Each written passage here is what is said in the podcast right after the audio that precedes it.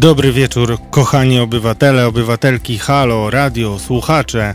Zaczynamy wyjątkowy wieczór z wyjątkowymi gośćmi i ze stałym przesłaniem walki o prawa obywatelskie, wasze prawa. E, pierwszy gość już za chwilę z Biura Rzecznika Praw Obywatelskich, pani profesor Aleksandra Wędkowska, opowie nam o różnych dziwnych sytuacjach na uczelni i w sanepidzie. Halo Radio. Dobry wieczór, moi drodzy, najdrożsi i najdroższe. E, widzę, że jesteście zwarci i gotowi na dzisiejszą rozmowę, ale powiem wam, że na pewno um, już wiem, że będziecie bardzo, bardzo, bardzo zaskoczeni, bo ja byłem bardzo zaskoczony, w związku z czym um, rozszerzyłem agendę naszej e, dzisiejszej audycji i rozmowy z panią profesor. W związku z czym w związku z tym, że mm, w związku z tym, że dowiedzieliśmy się ważnych e, informacji, e, które e, mają miejsce na Śląsku. A teraz jesteśmy już bezpieczni, zabezpieczeni i dobry wieczór mówimy pani profesor. Halo? Redaktorze, dobry wieczór Państwu. Bardzo nam miło, że znalazła Pani czas po bardzo y, ciężkich y, dniach pracy, o czym może za chwilę y, powiemy. Bo drugim tematem, drodzy Halo Radiosłuchacze, który jest tematem niespodziankowym w pewien sposób dla Was, bo go nie zapowiadałem, będzie sytuacja na froncie walki z koronawirusem na Śląsku. Wydaje się, że nie macie pełnego obrazu sytuacji, a wiecie na pewno, bo wielokrotnie to pokazywaliśmy, e, że propagandowe przekazy, mm, mówiąc delikatnie, nie odzwierciedlają rzeczywistego stanu rzeczy, jaki ma miejsce nie tylko na Śląsku, ale w wielu miejscach, gdzie pojawia się kamera TVP. Ale zacznijmy od głośnej historii którą e, żyły media społecznościowe w tym tygodniu, mianowicie e, historii, którą ujawniła dziennikarka Gazety Wyborczej ze Śląska, pani redaktor Malinowska, która opisuje zamieszanie wielkie na Uniwersytecie Śląskim, a tak naprawdę nie na samym Uniwersytecie Śląskim, a bardziej w społeczności studenckiej z tego uniwersytetu, która to społeczność E, miała e, poczucie, że e, na zajęciach jednej pani profesor, która wykładała na tamtejszej uczelni, mm, dzieją się rzeczy, które na uczelniach mieć miejsca nie powinny. Nie wiem, czy słyszeliście, chodzi o mm, panią mm, profesor, panią profesor za chwilę wam powiem y, jej nazwisko, bo nie, lubię bardzo y, przekręcać. Pani profesor Budzyńska, która to pani profesor y, zwróciła na siebie uwagę swoich studentów różnymi wypowiedziami E, które niekoniecznie z nauką mają wiele wspólnego i powiem szczerze, że niekoniecznie uważam za zasadne powtarzanie e, różnych e, przekonań dotyczących między innymi antykoncepcji i także różnych wypowiedzi, które zahaczają o wypowiedzi o treściach homofobicznych. Ale to był dopiero początek historii. Studenci poskarżyli się mm, władzom uczelni na te różne sytuacje panią profesor. Pani profesor poczuła się dotknięta e, ruszyła procedura i to jest szalenie istotne w tej sytuacji, e, ruszyła procedura e, wewnętrzna, wyjaśniająca tą historię, skargę dyscyplinarną, można tak powiedzieć. Podczas gdy Pani profesor zdecydowała się w akcie, jak rozumiem, sprzeciwu opuścić uczelnię i zainteresowała swoją sytuacją polityków Solidarnej Polski. Mm, co w jakiś sposób spowodowało, że sprawa stała się publicznie znana i jeden z obywateli, być może osoba prywatna, nie znamy y, tej osoby personaliów, y, doniosła do prokuratury, y, że pani profesor stała się krzywda. Dowiedzieliśmy się o tej sprawie dlatego, mm, że prokuratura zdecydowała się mm, zaordynować dochodzenie, które teraz toczy się, jest prowadzone przez policję i policja wzywa studentów na przesłuchania, które mają dociec, czy rzeczywiście pani profesor została została skrzywdzona i w jakim zakresie. Mamy tutaj do czynienia z sytuacją, która zbulwersowała um, opinię publiczną przede wszystkim z dwóch powodów. Po pierwsze, mamy studentów, którzy są wzywani na przesłuchania na policję, e, co według ich relacji nie jest e, dla nich e, przeżyciem przyjemnym. Mm, a z drugiej strony podczas przesłuchania jest obecny pełnomocnik, pani profesor, która w tym dochodzeniu ma status osoby pokrzywdzonej, pani profesor Budzyńskiej, a ten pełnomocnik jest z kolei człowiekiem związanym ze znaną państwu organizacją Ordo Juris. I po tym przydługim wstępie chciałem spytać e, panią profesor, e, czy do e, rzecznika trafiła ta sprawa, czy interesowaliście się skargami studentów na traktowanie i jaki tutaj mamy problem sygnalizowany zresztą przez władze uczelni. Dlaczego to znalazło się w orbicie zainteresowań Rzecznika Praw Obywatelskich? E, panie redaktorze, pan redaktor bardzo dokładnie przedstawił cały stan faktyczny, prawie że jak e, pełnomocnik profesjonalny przed sądem, przedstawiający e, sytuację. Także w zasadzie nie mam wiele do, do dodania, chyba że odnośnie kilka słów postępowania samego dyscyplinarnego, ale na razie przejdę do mm, odpowiedzi na, na pytanie. Otrzymaliśmy maila ze skargą ze strony samych studentów w ubiegłą sobotę. Y, I w tym momencie, bez względu na to, mm, czy skarga jest zasadna, czy y, interesant, czy obywatel ma takie czy inne odczucia, obowiązkiem rzecznika wynikającym z ustawy jest przyjąć i zbadać każdą sprawę, która do naszego biura wpłynie. Y, tak więc oczywiście przystąpiliśmy do badania również i tej sprawy. E, studenci w, w tym piśmie no bardzo ogólnie skarżyli się na sposób, w jaki zostali potraktowani. Szczerze mówiąc, oni byli troszeczkę, znaczy z toku nawet wypowiedzi wynikało, że są dość przerażeni samym faktem, że zostają wezwani na policję, że, że są przesłuchiwani. I to była, to była generalnie właśnie ta treść e, tego maila, która do nas trafiła w sobotę. Mm, w odpowiedzi na, e, na tą skargę studentów, myśmy skierowali zapytanie do e, prokuratury rejonowej Katowice Południe w Katowicach bo wtedy jeszcze, szczerze mówiąc, nie wiedzieliśmy, jakie są podstawy, z jakiego artykułu, na jakiej podstawie, w jakim charakterze oni są wzywani, czyje dobro jest chronione. Tego, żeśmy wtedy nie wiedzieli. W tej chwili już wiemy właśnie z, i z mediów, i z odpowiedzi prokuratury, że y, jest y, mm, wyjaśniane postępowanie w związku z mm, Artykułem. Przestępstwem, mm -hmm, tak, a, przestępstwo opisane w artykule 235 i ja Państwu już opisuję, mm, o co chodzi w tym artykule. E, chodzi o tworzenie tak zwanych fałszywych dowodów i sam kodeks karny mówi właśnie o tym, że kto przez tworzenie fałszywych dowodów kieruje przeciwko określonej osobie ściganie o przestępstwo, tutaj już nie będę wchodziła w, e, w szczegóły, e, podlega karze i tak dalej. No to jest artykuł, który mm, w praktyce bardzo rzadko w sumie jest spotykany, e, ponieważ e, tak naprawdę gdybyśmy chcieli z tego artykułu korzystać, to e, musielibyśmy co drugie postępowanie, czy co, co drugie przestępstwo, które na przykład, czy postępowanie, które jest umarzane, musielibyśmy w tym momencie korzystać z tego artykułu 235. E, no ale dobrze, no, mm, taka, takie zostało złożone zawiadomienie, w tym kierunku e, poszła e, prokuratura. Mm, no i teraz to postępowanie, które się toczy, oczywiście jest wszczęte przez prokuraturę, natomiast policja wykonując polecenia, przysłuchuje, przysłuchuje właśnie tych studentów.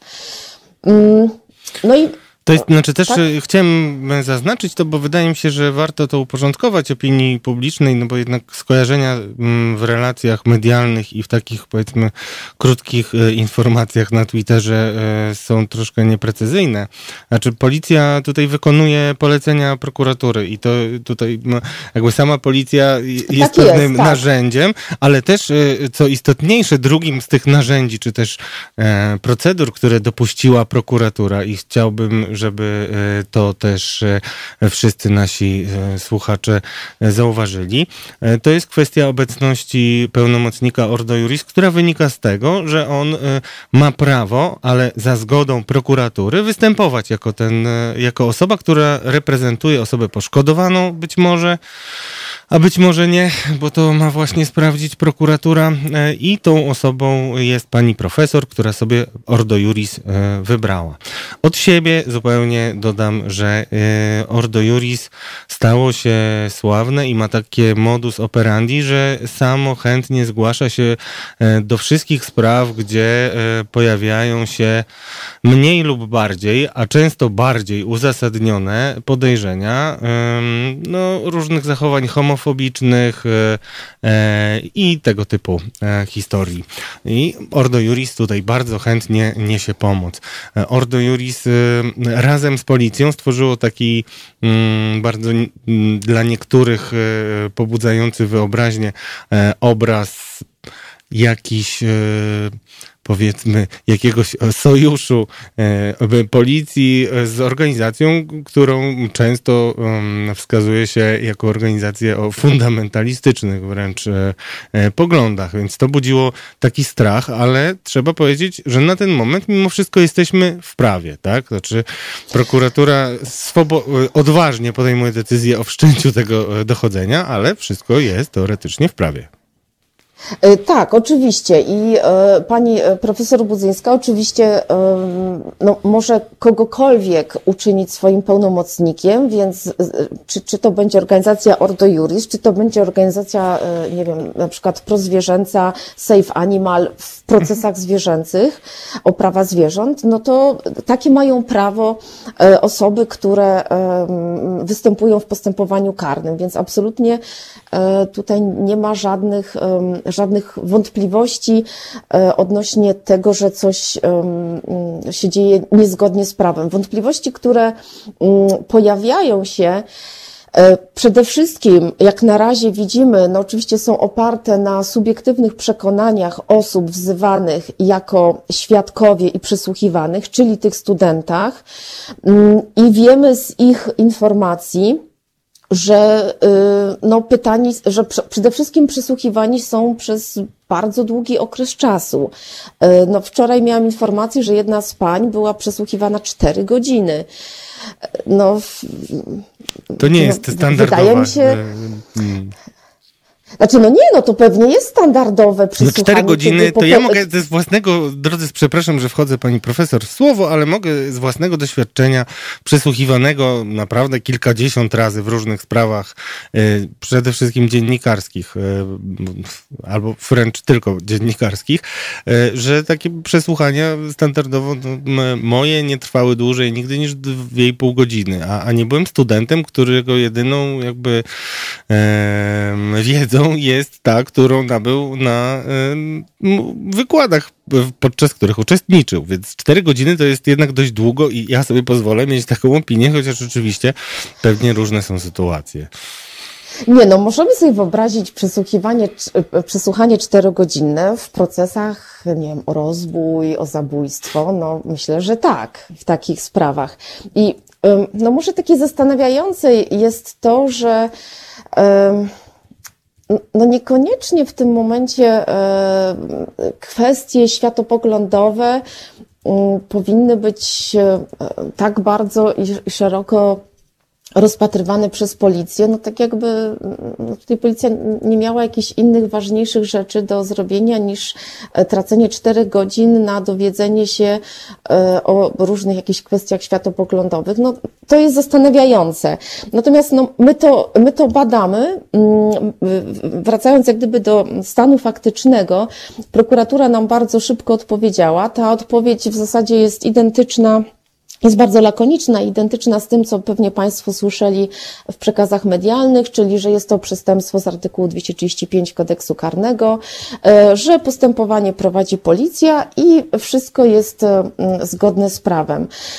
E, natomiast już właśnie jak gdyby w replice na, na, na tą odpowiedź, wczoraj zostało skierowana kolejna, kolejne pytanie do pani prokurator, związany właśnie z tym, iż e, po przeprowadzeniu właśnie postępowania sprawdzającego, o, czy, o, czym mówiła pani prokurator, uznano, że zgromadzony materiał uzasadnia wszczęcie dochodzenia. No to jest taka standardowa procedura, że najpierw mamy postępowanie sprawdzające, czyli musimy dokonać przynajmniej jakichś minimalnych um, czynności, e, żeby móc wszcząć dochodzenie. Czyli na przykład znajduję fałszywy dowód, mówię, aha, dobrze, czyli tutaj już mam jakiś dowód, tu mam inny dowód, wszczynamy dochodzenie. E, I w związku z tym pytamy, wczoraj zapytaliśmy pani prokurator, na czym została oparta ocena, że w sprawie istnieje uzasadnione podejrzenie popełnienia przestępstwa pozwalające na wszczęcie postępowania karnego. Tak więc czekamy teraz na odpowiedź, bo to jest wczorajsze e, pismo, które e, zostało wysłane ePUAP-em, więc pewnie już e, jest w prokuraturze. No i zobaczymy, co się będzie dalej działo. Mhm. Pewnie będzie się działo jeszcze wiele, bo e, sprawa e, budzi e, duże emocje. Jeszcze jeden wątek, który chciałem poruszyć i zasygnalizować, na który zwraca uwagę sama uczelnia.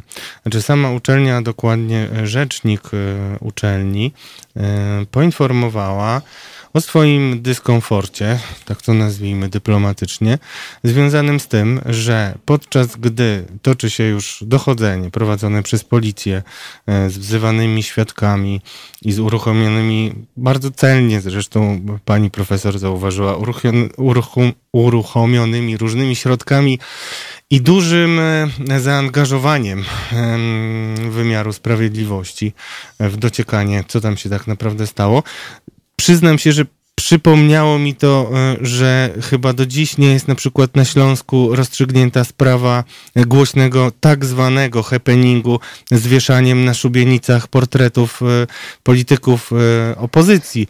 I wydaje mi się, że tutaj A, to, tak, śledztwo, tak, tak. to śledztwo jednak cały czas trwa. Jak widzimy, jest tyle ważniejszych spraw, że pewnie jeszcze trochę potrwa, ale... Ale jeżeli mogę tylko przerwać, Proszę. zostało to, zostało to zakończone w w ubiegłym roku już na absolutne, e, bardzo takie ostre, ostry wniosek pana rzecznika profesora Bodnara, e, ponieważ prokuratura zwlekała właśnie z tym postępowaniem i zostało to umorzone, e, to też jest bardzo ciekawa historia, my mamy same ciekawe historie, zostało to umorzone z tego powodu, iż jest to pewna tradycja historyczna Polski. Aha. Tak? No nie wiem, czy, czy Państwo znają taką tradycję. Jest tradycja taka e, wywodząca się z Polski szlacheckiej, um, związana z tym, że e, wieszano portrety osób, które były skazane na banicję albo które um, były skazane na karę śmierci i jeżeli one zbiegły z kraju, to wieszano symbolicznie ich portrety na szubienicach.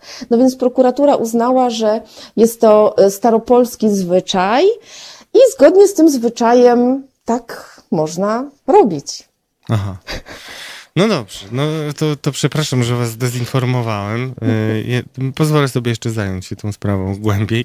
No, czy jest tak, gorzej? Czyli, czyli, czyli tym, tym bardziej jest więcej czasu na tak, e, na, na sprawy które e, budzą dużo wątpliwości. Ja tylko chciałem jeszcze powiedzieć o tym e, stanowisku mm, władz uniwersytetu i nawet je przytoczyć. Zacytuję mm, rzecznika uczelni, który napisał w oświadczeniu, że z głębokim zaniepokojeniem odbieramy podejmowane przez organy ścigania przesłuchiwanie studentów, którzy zdecydowali się wnieść skargę na budzący ich sprzeciw treści zajęć prowadzonych przez panią doktor habilitowaną Ewę Budzyńską. Skarga ta stanowi przedmiot postępowania prowadzonego przez niezależną komisję, komisję dyscyplinarną Uniwersytetu Śląskiego zgodnie z, obowiązu, z obowiązującymi w tym względzie przepisami. Nie ma żadnych podstaw, aby wątpić w rzetelność i bezstronność działań tej komisji. Napisał profesor doktor habilitowany Ryszard Koziołek, prorektor do spraw kształcenia i studentów. Mamy też pewne napięcie między no, partią rządzącą, a środowiskiem akademickim, nie tylko przecież na, gruntu, na gruncie sporów prawnych, gdzie większość uczelni renomowanych wydawało swoje stanowiska w trakcie tak zwanego sporu o Trybunał Konstytucyjny, czy też dyskusji wokół ustaw o sądownictwie, o Sądzie Najwyższym. Więc to napięcie między władzą a środowiskiem akademickim jest y, wyraźne. I tutaj, jak rozumiem, władze uniwersytetu mm, twierdzą, że prowadzą swoje własne postępowanie według wszystkich e, zasad i, uprawnień, mm, które pani profesor przysługują. E, tymczasem już e, przed jeszcze jakimkolwiek rozstrzygnięciem sprawę swoją zaczyna inicjować prokuratura. To też jest pewien problem, jeśli chodzi o autonomię. Y, no tak, no oczywiście no to, to, to, to może być traktowane jako naruszenie autonomii uniwersytetu i y, co jest jeszcze ciekawą rzeczą i co należy podkreślić, że rzecznik dyscyplinarny wyznaczony do tego postępowania ze strony Uniwersytetu Śląskiego nie uznał głoszonych przez profesor Budzyńską twierdzeń za nienaukowe, ale to nie oznacza, że studenci składając skargę zrealizowali znamiona przestępstwa bo oczywiście, że w każdym, e, że, że, oczywiście mogli złożyć taką skargę, bo w tym momencie kreuje nam się taka rzeczywistość, że każde ewentualne złożenie skargi może skutkować w przyszłości groźbą postępowania karnego przeciw tym studentom. No, czy to, to też to... przeciw e, nie, nieformalnie, prawda? Bo to chodzi o samo e, wzywanie, tak, bo tak. tutaj nikt nie stawia żadnych zarzutów, ale sama sytuacja jest dość opresyjna, szczególnie dla ludzi, którzy nie mają nic wspólnego z, z wymiarem sprawiedliwości, a jedyne, e, ja przynajmniej tak to odbieram, jedyne czemu są winni, to to, że zareagowali na no, takie treści, które no, budzą duże kontrowersje i niesmak, bo tam też były kwestie mm, formułowania różnych uprzedzeń i tak dalej, i tak dalej. Nie warto promować e, tego typu, zanim rozstrzygniemy. Także dziękuję pani profesor za, za ten wątek. Będziemy go obserwować. Rozumiem, że Rzecznik Praw Obywatelskich będzie monitorował dalej tą, tą sprawę. I, tak jest, oczywiście, tak. E, ale to nie jedyna e, rzecz, drodzy Halo Radio słuchacze, która dzieje się na Śląsku. Ja bardzo dziękuję jeszcze raz pani profesor, że znalazła czas, ponieważ macie ostatnio dużo e, pracy, a wydawać by się mogło pewnie ludziom spoza Śląska, że Śląsk jest taki trochę nawet uśpiony, bo mm, jakby trwa wojna z koronawirusem, mówi się o przedłużeniu ewentualnym różnych sankcji właśnie e, w rejonie Śląska, o, o powszechnym testowaniu górników i ich rodzin. Ja widziałem takie paski w e, dzienniku, w wiadomościach, przepraszam. Więc y, y, jak to się stało, że też Rzecznik Praw Obywatelskich ma tutaj e, tyle, y, tyle pracy na, na tym froncie? Czy to, czy, czy mm, interesujecie się sprawami lekarzy, którzy mieli e, na przykład zakazy wypowiadania się, czy po prostu ruszyła do was jakaś fala skarg z nieoczywistych adresów? Y, no tak, ruszyła fala skarg, y, to prawda. I prośba o pomoc, podej... tak? Bo, bo y, powiedzmy sobie, to, to, to, to, tak, no. to mnie bardzo poruszyło, że, że do państwa zwracają się ludzie z prośbą o pomoc, żeby wydostać się z domu. No mogę po, przytoczyć y, tytuły maili. Błagamy o pomoc, proszę ratujcie, y, pomóżcie nam z trzema wykrzyknikami. No takie, takie maile otrzymujemy. E, no w tej chwili dziennie rzeczywiście kilkanaście e, takich skarg czy takich wniosków jest przysyłanych e, do rzecznika i o co generalnie chodzi? Chodzi o przedłużającą się kwarantannę. I teraz pod tym ogólnym tytułem przedłużająca się kwarantanna nie chodzi o to, że tą kwarantannę ktoś, znaczy sanepid przedłuża, tylko chodzi o mnóstwo um, błędów czy, czy e, pewnych niedociągnięć, jeżeli to można bardzo delikatnie określić, ze strony mm, inspektorów tej instytucji. I to są przeróżne konfiguracje, na które, na które podejrzewam, że Państwo by w ogóle nie wpadli, ponieważ to są zarówno testy zgubione, testy zamienione, testy zalane. W wielu odpowiedziach czy też w wnioskach osoby, które siedzą na kwarantannie piszą, że otrzymują odpowiedź, nie mamy Państwa testów, testy są zalane, przyjdzie wymaz, przyjedzie nowy wymaz, wymazobus i zrobi nowe testy. Kiedy? No trzeba czekać. Jesteście Państwo wpisani na listę za pięć dni, mm, ale że jeden wymazobus jest na um, kilkaset osób, no to trzeba czekać. E, pomylone osoby, pomylone nazwiska, e, pomylona kwarantanna, osoby, które powinny być objęte kwarantanną nią nie są i na odwrót. I, i albo wszystko razem, albo poszczególne te czynniki, które codziennie czytamy i natychmiast ingerujemy w tych sprawach. Ale to znaczy, to, to uporządkujmy troszeczkę, no bo mamy taką sytuację, że yy, parę tygodni temu zaczęto identyfikować e, szersze zakażenia wśród gór, górników w kopalniach. Z racji na specyfikę pracy górnika dużo łatwiej się zarazić.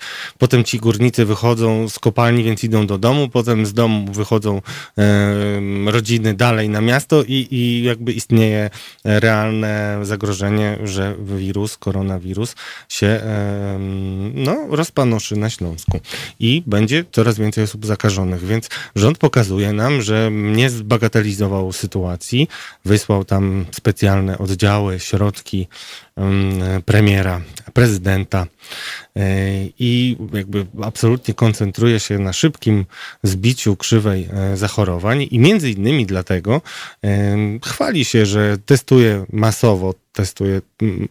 To jest taki oksymorod, bo masowe testowanie górników, które, którzy no nie jesteśmy e, państwem Rzeczpospolitą Górnicką, czy tylko górnicy stanowią pewien procent społeczeństwa, więc masowe testowanie górników jest całą w sobie kontrowersyjną mm, operacją, ale wydaje się, że to ma mm, na celu zatrzymanie dalszej transmisji poziomej, czyli zakażania się nawzajem ludzi, więc te kwarantanny są konieczne, więc y, może po prostu ludziom brakuje cierpliwości. No trzeba te 14 dni czy tam ileś odczekać po to, żeby nie narażać e, innych. Zostań w domu, cały czas mamy paski czerwone na TVP Info.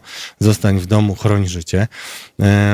No to, czy to jest w ogóle jakieś pole do działania dla nie, no o, oczywiście, no, kwarantanna jest absolutnie wskazana. Nikt, broń Boże, tego nie podważa. Rzecznik Praw Obywatelskich wielokrotnie w wystąpieniach generalnych e, podkreślał e, przede wszystkim e, właśnie sens dochowania tej kwarantanny czy wszystkich obostrzeń.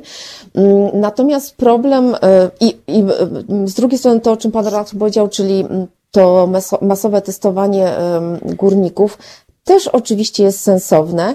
E, no w, pew, w, pewnym, w, te, w pewnej mierze e, można powiedzieć, że Śląsk będzie najlepiej przetestowanym województwem w Polsce i tylko powinniśmy się cieszyć z tego, że będziemy w, w tym momencie najlepiej e, przetestowani.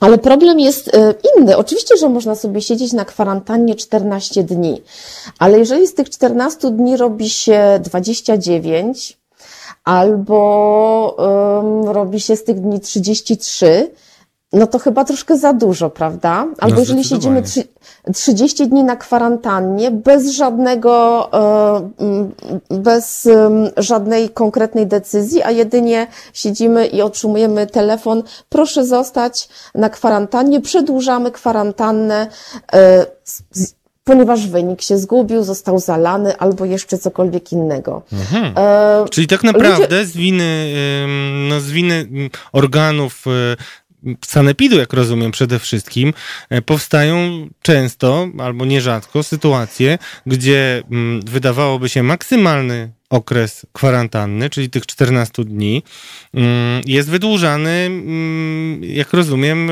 dość dowolnie. Tak, znaczy dowolnie, no jest jakiś powód zawsze wydłużania tego. To wydłużanie się kwarantanny, ja właśnie w, tej chwili mam otwartego, otwarte, otwarte sprawy, w których interesanci y, piszą o zagubionych testach, o oczekiwaniu na wynik, y, o tym, że kwarantanna dla pewnych państwa się skończyła w, na skutek rozmowy telefonicznej z panią z Sanepidu, która powiedziała, macie państwo y, wynik negatywny, jesteście zdrowi, a na drugi dzień rano zadzwoniła inna pani z Sanepidu, która powiedziała, macie państwo wynik pozytywny, macie państwo przedłużoną kwarantannę o jeszcze jakiś tam okres czasu. Y, no więc przeróżne są sytuacje, E, sytuacje, kiedy ratownik górniczy się 29 dni nie widział w ogóle rodziny, bo pozostaje na kwarantannie, e, w której lekarka z pewnego szpitala w Katowicach sama sobie, sama w zasadzie objęła się kwarantanną, przeprowadzała testy na własny koszt, podawała sobie jakieś kroplówki, zresztą było opisywane w prasie. I kiedy dzwoniła, no bo to się zwykle dzwoni tutaj do sanepidu, od 100 razy dziennie w górę. No rekordem był chyba pan, znaczy chyba właśnie ten ratownik, który dzwonił 433 razy, oczywiście bez, bez jakiegoś większego efektu, z zapytaniem, e, czy to właśnie o e, zrobienie testu, zrobienie wymazu, czy też właśnie o wyniki. No i teraz oczywiście mogą Państwo powiedzieć, no, no okej, okay, no można sobie siedzieć w domu i, i czekać. Nie, ja ale... tylko, nie, ja tylko dowcipkowałem sobie, znaczy, bo to jest w ogóle nie, nie. nie okej, okay, oczywiście. Ja, te, znaczy, trudno podchodzić poważnie. Znaczy, z tego, co pani mówi, mamy bardzo realny chaos, który panuje e, na Śląsku, który powoduje, że no, gubią się testy yy, yy, pracownicy. A jak sobie w ogóle radzi Sanepid? Bo przecież słyszymy takie uspokajające różne komunikaty, że ludzie z Sanepidu yy, zostali rzuceni tam na, na ten gorący odcinek odcinek walki z koronawirusem. Czy to e, rzecznik, e, czy biuro rzecznika dostrzega e, to wzmożenie i, i czy te kadry są takiej jakości, jak chciałaby nam pokazywać telewizja? No, absolutnie nie. Ja dzisiaj otrzymałam odpowiedź od inspektora sanitarnego i zacytuję że um, organizacja jest, ta, y, jest taka, jaka jest, możliwa przy tej ilości pracowników i usprzętowieniu. Podsumowując, nie jest wręcz możliwe wykonywanie zadań w takim terminie, jak sobie życzą interweniujący przy takim stanie osobowym i sprzętowym stacji. Mhm. Odpowiedź, która dzisiaj została nadesłana. Yy, no, no co można skomentować? No... Że się sama komentuje, ale z drugiej strony przecież to nie jest tak. Wiem, że e, skądinąd wiem, że biuro rzecznika też e, jeszcze zanim w ogóle to, co dzieje się dziś, czyli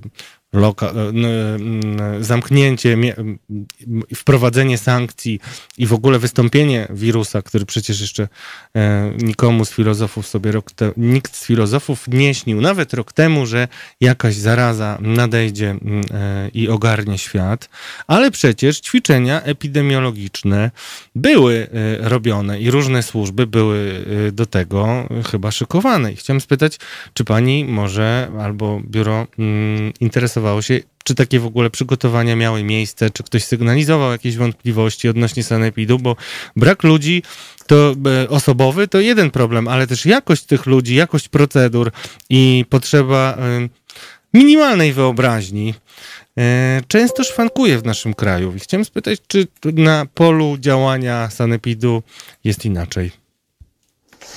E, no właśnie, ja właśnie teraz szukam, e, bo chciałabym Państwu dokładnie podać, kiedy, kiedy to się działo.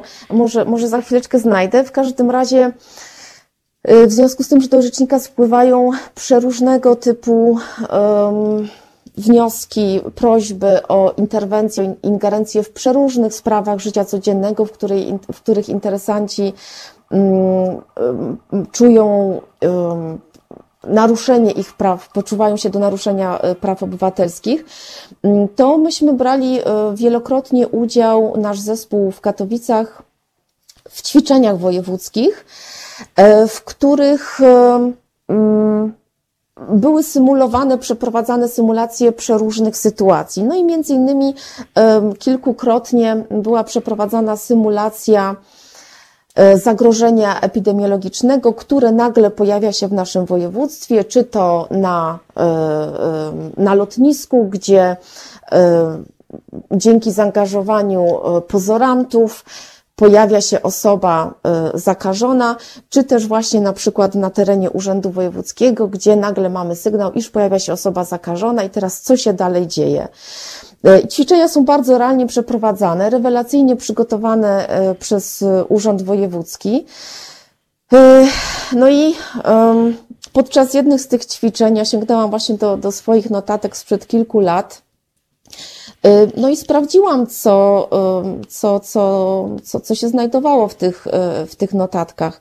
No niestety pisaliśmy już wtedy, że um, urzędnicy, którzy występowali, którzy zostali wysłani przez Sanepid do udziału w tych ćwiczeniach, nie byli kompletnie do tego przygotowani, nie potrafili sobie poradzić z tą sytuacją, mm, nie znali procedur, nie potrafili sobie poradzić ze stresem i z tą ilością sytuacji, która ich zastała, bo oczywiście to była sytuacja dynamiczna, to były takie sytuacje jak teraz.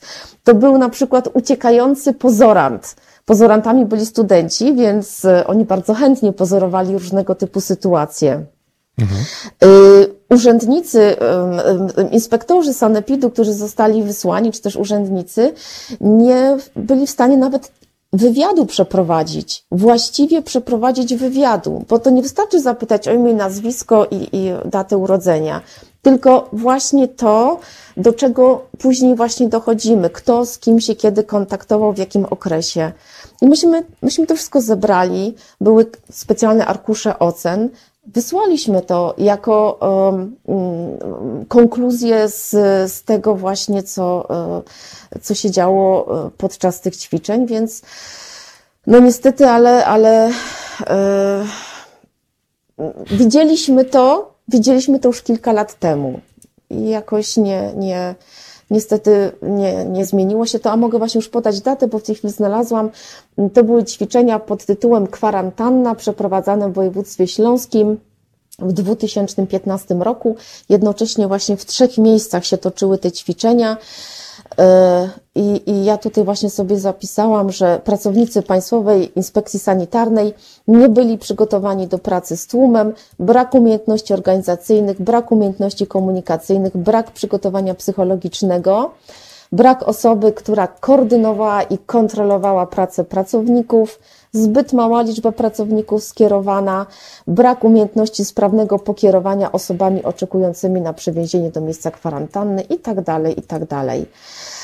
E, no więc oczywiście, oczywiście, że widzimy, że niewątpliwie jest zbyt mało osób skierowanych w tej chwili do różnych placówek sanepidu w miastach.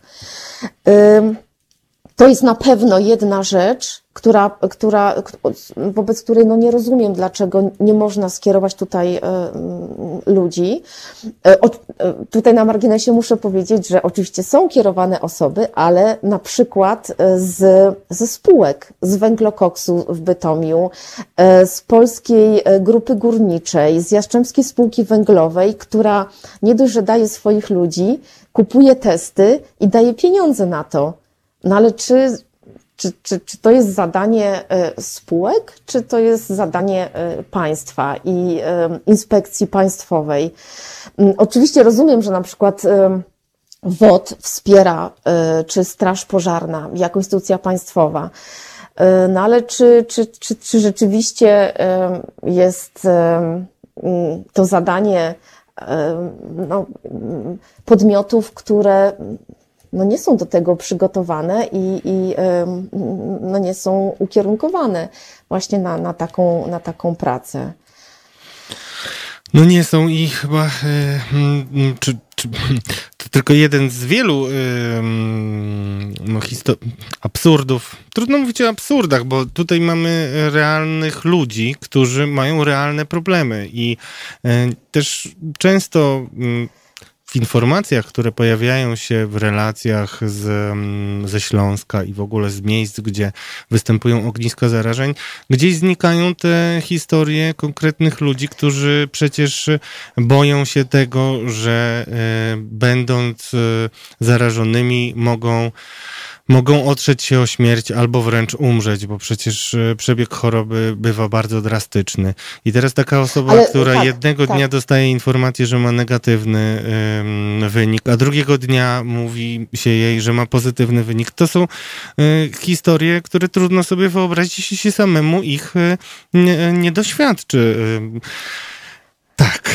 Proszę, tak, jeszcze jeśli mogę, jeśli rzeczywiście mogę, mogę dodać, to to są przeróżne historie. To są historie osób e, zamkniętych na kilkunastu metrach kwadratowych e, z dziadkami teściami. E, to są historie dzieci, które cierpią na przeróżnego rodzaju zaburzenia, czy to właśnie jakieś schizofreniczne, czy, czy jakieś dzieci autystyczne, które na przykład muszą być poddane mm, spotkaniom ze swoimi diagnostami, czy też ze swoimi lekarzami, y, które muszą wyjść y, i trzeba prowadzić terapię na przykład takich dzieci.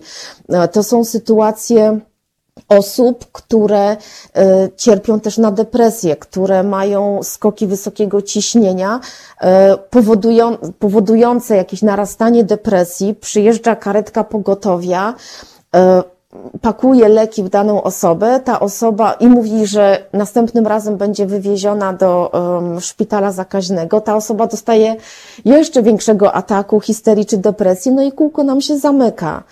No, mieliśmy też sytuację taką, gdzie jedna z interesantek przekazywała mi telefonicznie, że pani, y, która odebrała jej telefon z sanepidu, rozpłakała się rozpłakała się i powiedziała, że nie jest w stanie pracować e, w tej instytucji, że po zakończeniu całej sytuacji odejdzie z sanepidu i że to jest bezczelność, e, w jaki sposób traktuje się ludzi w jej instytucji. No, przytaczam słowa, które mam od interesantów, usłyszałam. To ja mogę też się podzielić ze słuchaczami yy, na własną odpowiedzialność taką historią, którą usłyszałem i nie wiem na ile to jest anegdotyczne i nie wiem jak do niej w ogóle podchodzić, ale słyszałem historię górnika, który zgłosił się do lekarza yy, bardzo zmartwiony, rozumiem, że szukał, yy, obawiał się o to, czy, czy nie jest chory i y, powiedział lekarzowi, że no, wprawdzie ma trzech kolegów, którzy Mm, którzy już wykonali testy, no ale to go bardzo martwi, na co lekarz zapytał, ale dlaczego to pana martwi, jaki jest wynik testu? Mówi, no wynik testu jest negatywny, na co lekarz mówi, no to chyba powinien pan się cieszyć z tego powodu, że koledzy są zdrowi, a na to górnik stwierdza, że problem w tym, że oni w ogóle nie byli jeszcze testowani. czy słyszałem takie historie i nie wiem, czy mam podchodzić do nich jako do tak zwanych urban legend, legendy miejskie, czy rzeczywiście też te, tego typu sygnały docierają jakoś do Rzecznika Praw Obywatelskich? No niestety to jest taka kwintesencja tego, co, co, się, co się dzieje, niestety. Do tego dochodzą jeszcze kolejne rzeczy, które w tej chwili dopiero badamy. Dzisiaj na przykład podjęliśmy taką sprawę z urzędu, związaną z tym, że pracodawcy nakazują żonom e, przynosić zaświadczenia potwierdzające, że ich mężowie górnicy są zdrowi. Żoną? No, mhm. tak, tak. Rozumiem, bez żadnego e, trybu i to tak też trochę bez No, no właśnie. No e, właśnie. Ja myślę, że, że tutaj mamy e, taki suspens, a akurat też mamy jeden telefon, więc gdybyśmy mogli jeszcze odebrać i posłuchać, co nasi słuchacze o tym myślą, a może mają też nam coś ważnego do przekazania, pani profesor. Dobry wieczór. Tak jest. Dobry wieczór, panie Piotrze. Z Katowic. Dobry wieczór, Radku. Dobry wieczór, pani doktor. Ja chciałem powiedzieć coś takiego po tym, co Pani przytoczyła na temat tego testu, który był prowadzony e, w 2015 roku. E, znowu po raz kolejny e, powiem truizm, ale trudno, muszę, bo się on rzuca w uszy i oczy i w głowę. Instytucje tego państwa w żaden sposób nie są przygotowane na żadną sytuację nadzwyczajną. Na żadną. Może jedynie strażacy, którzy radzą sobie lepiej czy gorzej w różnych trudnych sytuacjach. Ale pozostałe służby, a już nie wspomnę o instytucjach, to po prostu jest bieda z nędzą. E, ja wiem, że e, świetnym wytłumaczeniem dla wielu ludzi, nie powiem, że urzędników, tylko ludzi, którzy pracują w tych instytucjach jest to, no, że, no, że nie wiedzą. No, że nie wiedzą. A to jest problem, bierze się z tego, że jakoś przez te wszystkie lata od najdrobniejszych do największych szczebli, naj, najniższych do najwyższych szczebli, nie wypracowano procedur takich jak w McDonaldzie, tak? Co ja robię, żeby zrobić chipsy? Krateczka. Mam, mam, mam, mam. Tak w samolocie. Pani profesor, Czek, czy, czy po, bo pan Piotr zawsze ma, ma dużo y, do powiedzenia, ale to myślę, że to jest dobry wątek, żeby zacząć. Czy to rzeczywiście jest kwestia tylko procedur, czy też kwestia ludzi po prostu, którzy... Ale to jest, mhm. Radku, to jest nie tylko kwestia procedur, to jest kwestia tego, żeby ci ludzie wiedzieli, jak się zachować w danej sytuacji. To, co pani powiedziała o tym teście, to jest przykład tego, że kompletnie nie wiedzieli, jak się zachować. Bo nikt tego nigdy nie powiedział, nikt te, tego nie przewidział, nikt wcześniej e, takich ćwiczeń nie prowadził, nawet na sucho, jak się to mówi, czyli w sali wykładowej, tak? Mhm. Bo, bo po no co? Właśnie, Mamy tu właśnie... mnóstwo wniosków i tak dalej, musimy je załatwić, papiery przerzucić, z kubki na kubkę, no przecież to wszystko nie działa tak? Dobra, to tyle no, no Właśnie, tylko proszę, proszę właśnie zwrócić uwagę na to, że do tych, y, znaczy ćwiczenia oczywiście były objęte jakąś tam tajemnicą, ale y, no wszyscy wiedzieli, że będzie sytuacja zagrożenia epidemiologicznego, w innym dniu miały być jakiś tam atak terrorystyczny i tak dalej, i tak. I teraz my jako obserwatorzy, y, ja z, z moimi współpracownikami, Myśmy przecież musieli przeglądnąć te procedury i te akty prawne związane z kompetencjami sanepidu, czyli my, będąc tylko obserwatorami, musieliśmy się nauczyć tego, co po kolei, co się dzieje. I ym, chodzi mi właśnie o to, że y, osoby, które wiedziały, że idą na ćwiczenia, które wiedziały, co mają robić, no właśnie kompletnie nie potrafiły się w tym wszystkim rozeznać. I, I, to jest dla mnie jakiś niesamowity absurd, więc to, co Pan mówił, to, to absolutnie się właśnie z tym zgadzam. I chyba to rzeczywiście jest kwestia procedur, czy też, no po to te ćwiczenia właśnie były, po to one co roku są robione, zresztą we wszystkich województwach takie ćwiczenia są robione, właśnie po to, i teraz jakie wnioski są wyciągane? No, no jak widać, żadne wnioski e, nie są wyciągane z tego. Dlatego też ja jestem tym tak bardzo zbulwersowana. Dlatego siedzimy po całych dniach i nocach i staramy się tym, tym osobom pomóc, e, bo e, no, no to jest nie do pomyślenia właśnie tego typu, e, tego typu sytuacje. Mhm. A czy my możemy też e, o coś zaapelować, czy też zwrócić uwagę na, na, na jakieś sytuacje? Poza tym, że uwrażliwiamy na to, że rzeczywiście jakby obraz rzeczywisty daleko e, odbiega od tego, co widzimy w telewizjach, ale jakie są realne skutki i realne działania Rzecznika Praw Obywatelskich? Jesteście pod obstrzałem jako instytucja mediów rządowych pod różnymi różnymi y, kuriozalnymi pretekstami. Gdyby pani mogła powiedzieć, y, jak w, wiem, że to jest y, ciężka praca od rana do nocy i bardzo realne ludzkie problemy. Jak to wygląda na dzisiaj właśnie w dobie walki z koronawirusem? No, wszyscy są bardzo zaangażowani. Co ciekawe, w, w środę Mieliśmy spotkanie naszego kierownictwa i się okazało, że wydajność biura wzrosła 150%. Jeżeli tylko spojrzymy na stronę internetową, na ilość wystąpień generalnych, których w ostatnim miesiącu było 80. To są e, no, ogromne liczby. Wystąpienia generalne w przeróżnych sprawach, które Rzecznik Praw Obywatelskich kieruje do przeróżnych instytucji e, życia publicznego. E, czy to właśnie w kwestii kwarantanny, czy, czy to w kwestii związanych z uprawnieniami, uprawnieniami na przykład ratowników, e, rozliczania lekarzy. No, zachęcam naprawdę Państwa do wejścia na naszą e, stronę Rzecznika Praw Obywatelskich. Lektura, którą tam Państwo zastaną, dotyczy wszystkich możliwych aspektów e, naszego życia. Mm, I e, szczególnie w tej chwili właśnie, w, w dobie kwarantanny, mogą Państwo poczytać o różnych interwencjach rzecznika, czy to właśnie w kwestii jakichś osób zatrzymanych przez policję. Ostatni nasz wielki sukces związany z przyłączeniem się rzecznika do postępowania związanego z nałożeniem kar administracyjnych w wysokości 10 tysięcy złotych Mm, mhm, I, mhm. i, i Może pani coś więcej się... o tym powiedzieć, bo to też jest dość istotne, tak? I wiele słyszę. Żeby też to, to było jasne, że nie siedzicie za biurkiem tylko i jakby czytacie maile i odpowiadacie, że przykro nam bardzo i mamy trudną sytuację, tylko to też e, przekłada się na realne sukcesy. I chciałem, żeby... Bo to dodaje wiary w sens działań, bo im więcej macie pracy, tym gorzej to niestety świadczy o e, sytuacji, jaką mamy dookoła.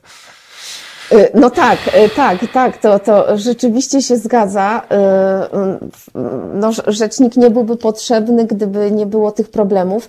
Znaczy, wracając jeszcze tylko do, mm, do kwestii związanych właśnie z, z sanepidem na Śląsku, otrzymujemy realne, rzeczywiste informacje zwrotne y, od osób, które y, dziękują nam, iż y, udało się, że otrzymały wyniki testu, że przyjechał wymazobus, że coś innego się zdarzyło, co uratowało jak gdyby tą ich sytuację. Natomiast wracając właśnie wracając właśnie do mm, tych kar administracyjnych, 26 maja Sanepid uchylił kary, to były kary 10 tysięcy złotych, dla osób, które protestowały przed Sejmem przeciw wyborom kopertowym.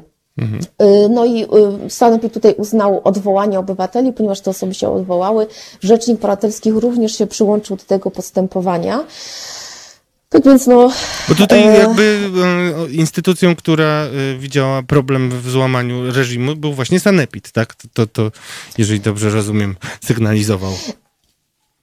Znaczy tam, tam chodziło o to, że, mm, znaczy no Sanepid, um, policja, policja przekazała te informacje Sanepidowi. Mhm. I na skutek właśnie tego zgłoszenia e, Sanepid ukarał e, osoby karą 10 tysięcy złotych. Chodziło o to, o niezachowanie odległości e, dwóch metrów i zdarzyło się to właśnie, znaczy zaistniała ta sytuacja na podstawie notatki sporządzonej przez policję. Mm, no i mm, w tej sprawie wnosiliśmy o uchylenie decyzji i ponowne rozpatrzenie, co zostało uwzględnione. I dzięki Bogu i, dzięki także Państwu e, bardzo dziękujemy, że e, nie opuszczacie e, w trudnej nie opuszczamy sytuacji obywateli. Mhm. Tak, czekamy też na telefony. Jest, jest nasza infolinia. E, info, na, w infolinii można się o wszelkie rzeczy związane i z obecną sytuacją pytać i jakiekolwiek inne kwestie e, prawne. Staramy się też to na bieżąco wszystko rozwiązywać. E, pracujemy w trzech miejscach, bo pracujemy oczywiście w Warszawie, w Katowicach, w Gdańsku i we Wrocławiu. No nieustannie. Ja jestem w zasadzie przy komputerze non-stop, bez względu na weekendy czy na jakieś inne święta. Komputer nie jest wyłączany, więc martwię się o stan mojego sprzętu, ale mam nadzieję, że da radę. Dobrze, także dziękujemy bardzo w takim razie za wizytę telefoniczną. Y, życzymy powodzenia. Y, ja w swoim imieniu i myślę, że także redakcji pierwszego obywatelskiego radia w pełni utrzymywanego z dobrowolnych składek, za które Wam bardzo dziękujemy i o które bardzo prosimy. Dziękuję też wszystkim pracownikom biura. No i mam nadzieję, że uda się ten temat jeszcze bardziej nagłośnić E, a wy, drodzy Halo Radio słuchacze, piszcie także ze Śląska e, do rzecznika, piszcie do nas, będziemy e, wspólnie walczyć o wasze prawa, wolności i przestrzeganie prawa po prostu. Dziękuję bardzo pani profesor, życzę dobrej nocy i dużo zdrowia życzę pani i całej rodzinie i wszystkim Ślązakom. Dziękujemy serdecznie za życzenia. Przekażę e, wszystkim, szczególnie mojemu zespołowi, który rewelacyjnie pracuje właśnie w, w, w, tym czasie. Wszystkiego dobrego Państwu życzę. Dziękuję. Bardzo dziękuję. E, teraz, a teraz poprosimy e, Snow Red Hot Chili Peppers zagra dla Was.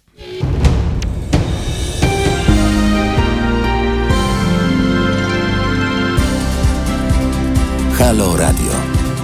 Pierwsze radio z wizją.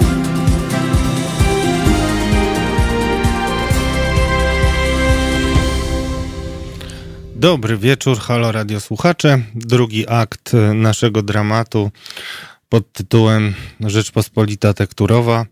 i dzielni obywatele, którzy nie godzą się na to, co widzą i żądają Polski murowanej, twardej walki z pedofilią w kościele także. Dobry wieczór. Naszym gościem teraz, gościnią, nie wiem jak pani poseł tytułowo, tak już przyzwyczajony jestem, pani poseł, pani radna, a obecnie liderka Stowarzyszenia mm, Lepszy Gdańsk, Jolanta Banach, chce być nazywana. Dobry wieczór. Dobry wieczór panu, dobry wieczór państwu. Oczywiście i taka, i taka forma jest dopuszczalna.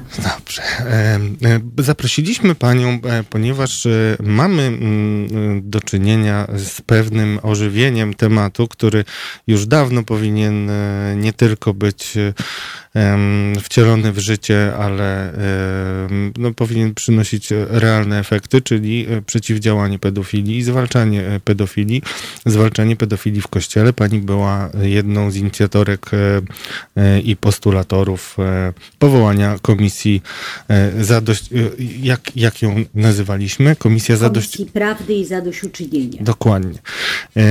Którą zastąpiono fasadowym pomysłem, bo tak należy o nim mówić, fasadowym pomysłem Komisji do Spraw Pedofilii zainaugurowanym przez Prawo i Sprawiedliwość, partię rządzącą rok temu i przez rok e, nie udało się powołać e, tej komisji tak, żeby ona rzeczywiście mogła działać. Udaje się to dopiero e, teraz, kiedy mamy już drugi film braci Sekielskich, bo impulsem do, do powołania pierwszej komisji był film um, Tylko nie mów nikomu.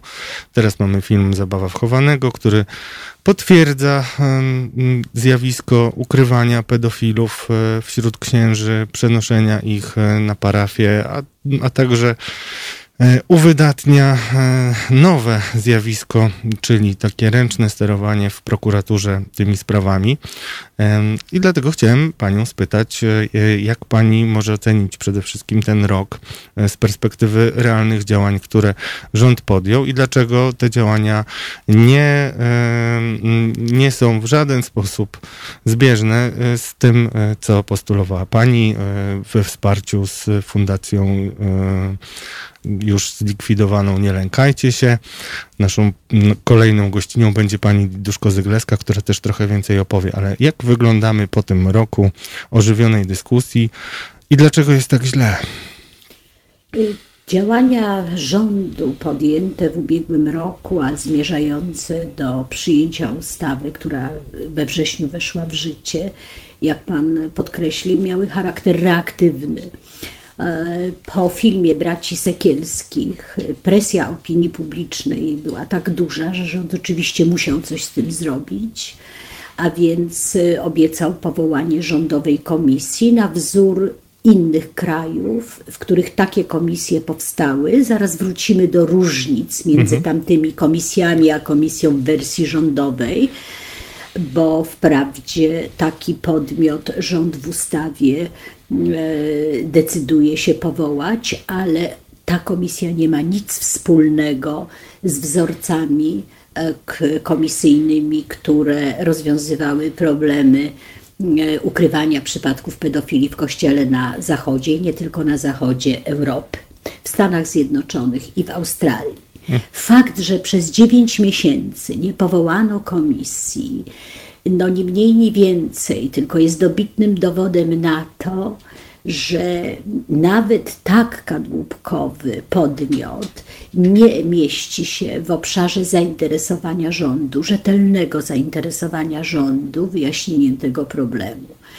Więc coś trzeba było zrobić, przyjęto ustawę, ale w okresie wyborczym pewnie kalkulowano, że nie warto narażać się hierarchii, nie warto narażać się biskupom. To jest rodzaj wzajemnego interesu, jak wiemy, Kościół i duchowni zapewniali obecnie rządzącym parasol nie tylko wyborczy, ale wręcz poparcie, w zamian za co pewnie nie dotykano w ogóle tej sprawy. I przechodzimy do rzeczy najważniejszej, to znaczy różnicy pomiędzy koncepcją rządową a propozycją zawartą w projekcie obywatelskim.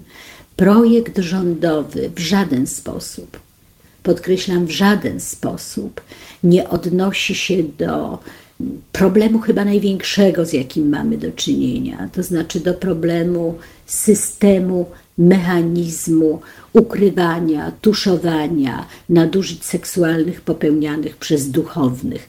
Warto podkreślać te różnice, dlatego że przestępstwa y, na tle seksualnym oczywiście będą się zdarzały, ale te, które podlegają nadzorowi organów świeckich, do których możemy mieć pretensje. Mówię tu o wymiarze sprawiedliwości, mówię tutaj o organach ścigania, ale nie są przez nie w sposób systemowy ukrywane. Ze strony sądów, prokuratury nie mamy do czynienia z całym zbudowanym precyzyjnie mechanizmem oporu wobec przypadków dotyczących przestępstw seksualnych popełnianych przez osoby świeckie. Poza tym podmioty świeckie mają swój nadzór, prokuratura, y, sądy w sprawach jurysdykcji podlegają sądowi najwyższemu, w sprawach administracyjnych prezesów, prezesom sądów itd. Tak itd. Tak Natomiast w przypadku Kościoła który jest przecież też podmiotem prawa międzynarodowego, nie mamy zdefiniowanej odpowiedzialności tego podmiotu jako instytucji. Krótko mówiąc, powołując się na swoją autonomię, hierarchowie, organy prawne kościołów odmawiają wydania dokumentów, odmawiają wpuszczenia na teren no nie kultu, ale tereny użytkowane przez jednostki organizacyjne Kościoła.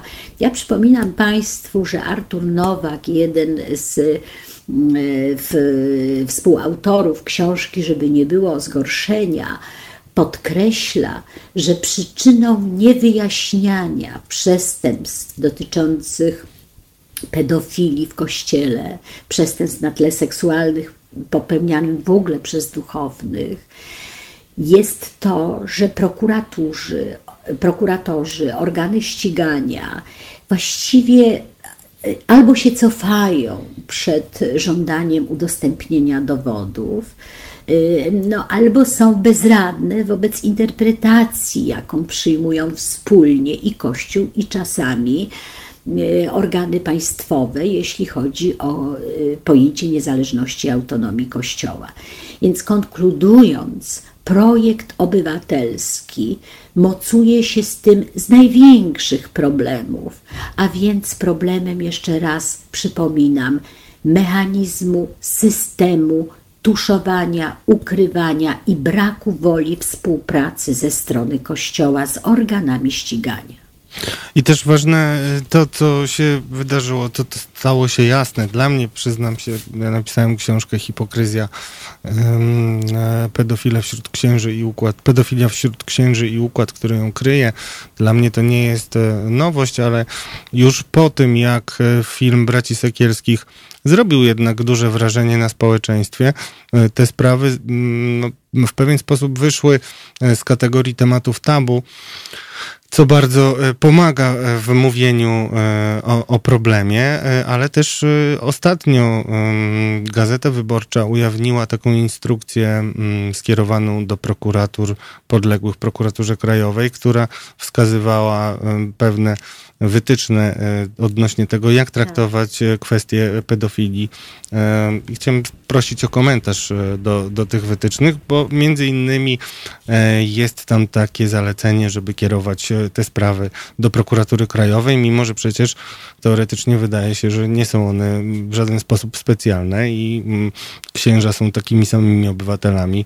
Przede wszystkim ofiary pedofilii są takimi samymi obywatelami jak e, każdy inny i mają prawo do tego, żeby ich oprawcy byli traktowani równie surowo jak ci mityczni pedofile z, wśród na przykład murarzy, których z, Związek Rzemiosła Polskiego jednak systematycznie i systemowo nie broni, tak jak to udowodniono w przypadku biskupów, którzy pedofilów e, w sutannach e, ukrywali i przenosili na kolejne parafie, narażając kolejne dzieci, e, które to były krzywdzone na kolejnych parafiach. Jest... No ale wie pan, no, cały czas udowadniamy, że te, te szczególne wytyczne jakiś taki rodzaj nieprawdopodobnej uwagi skupionej przez ministra sprawiedliwości na y, instytucjach kościelnych dowodzi, że mamy rzeczywiście problem. Problem polega na sojuszu tronu z ołtarzem, na sojuszu rządzących z kościołem.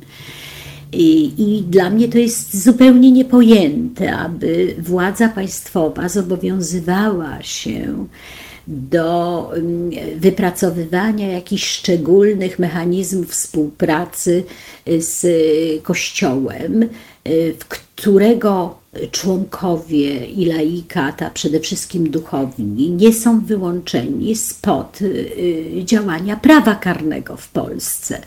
Autonomia Kościoła nie tego dotyczy. W filmie Braci Sekielskich. Przecież szczególnie poruszająca jest informacja, że w tych zaleceniach ministra sprawiedliwości znalazły się i takie, które dotyczą udostępniania e, akt osobowych stronie kościelnej, kościołowi jako instytucji, który przecież nie jest nawet stroną a więc ze względów procesowych jest rzeczą niedopuszczalną, nie wiem na jakim prawie opartą. To, ja mogę żeby... powiedzieć, to ja już wejdę w słowo, ale y, uzupełnię, uzupełnię, bo to jest y, istotna informacja i chciałbym, żeby wszyscy obywatele mieli tego świadomość.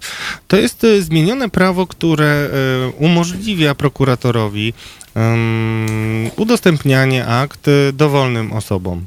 E, I jest to prawo, które wcześniej wprawdzie gdzieś funkcjonowało, ale było bardzo oszczędnie um, używane.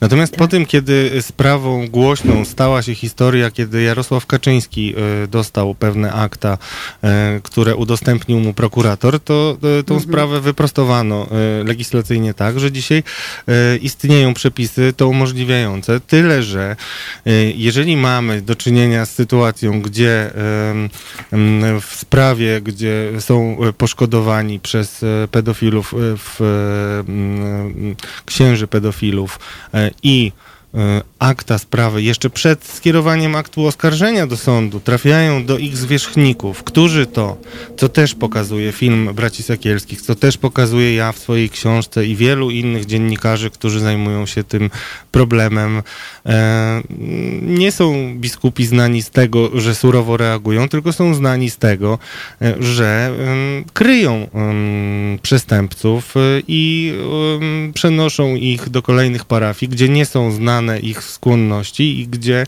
krzywdzą kolejne dzieci. I to, i to są fakty.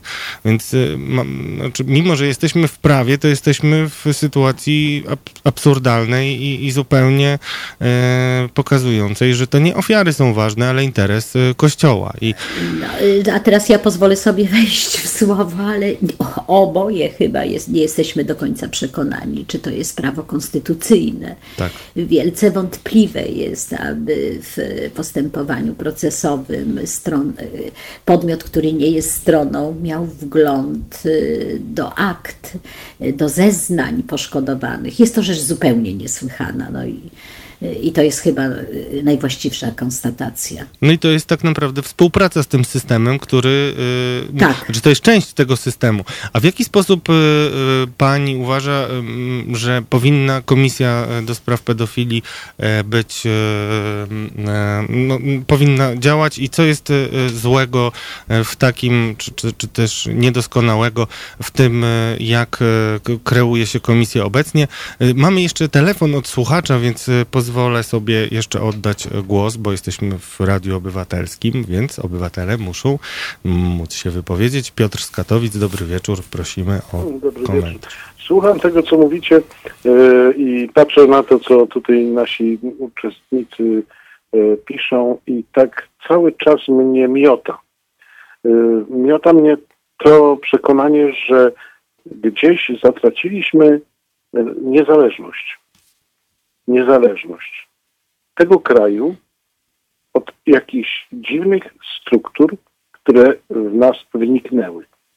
Ja, ja oczywiście rozumiem tłumaczenie, że e, interes polityków polega na tym, żeby uzyskać głosy, uzyskać kolejną elekcję, uzyskać kolejne wpływy, ale mnie to nie przekonuje jakoś, nie wiem dlaczego.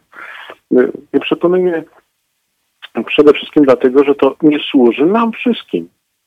Przecież proste, czyste e, relacje państwa z instytucjami E, przez to państwo akceptowanymi, jakiekolwiek one są.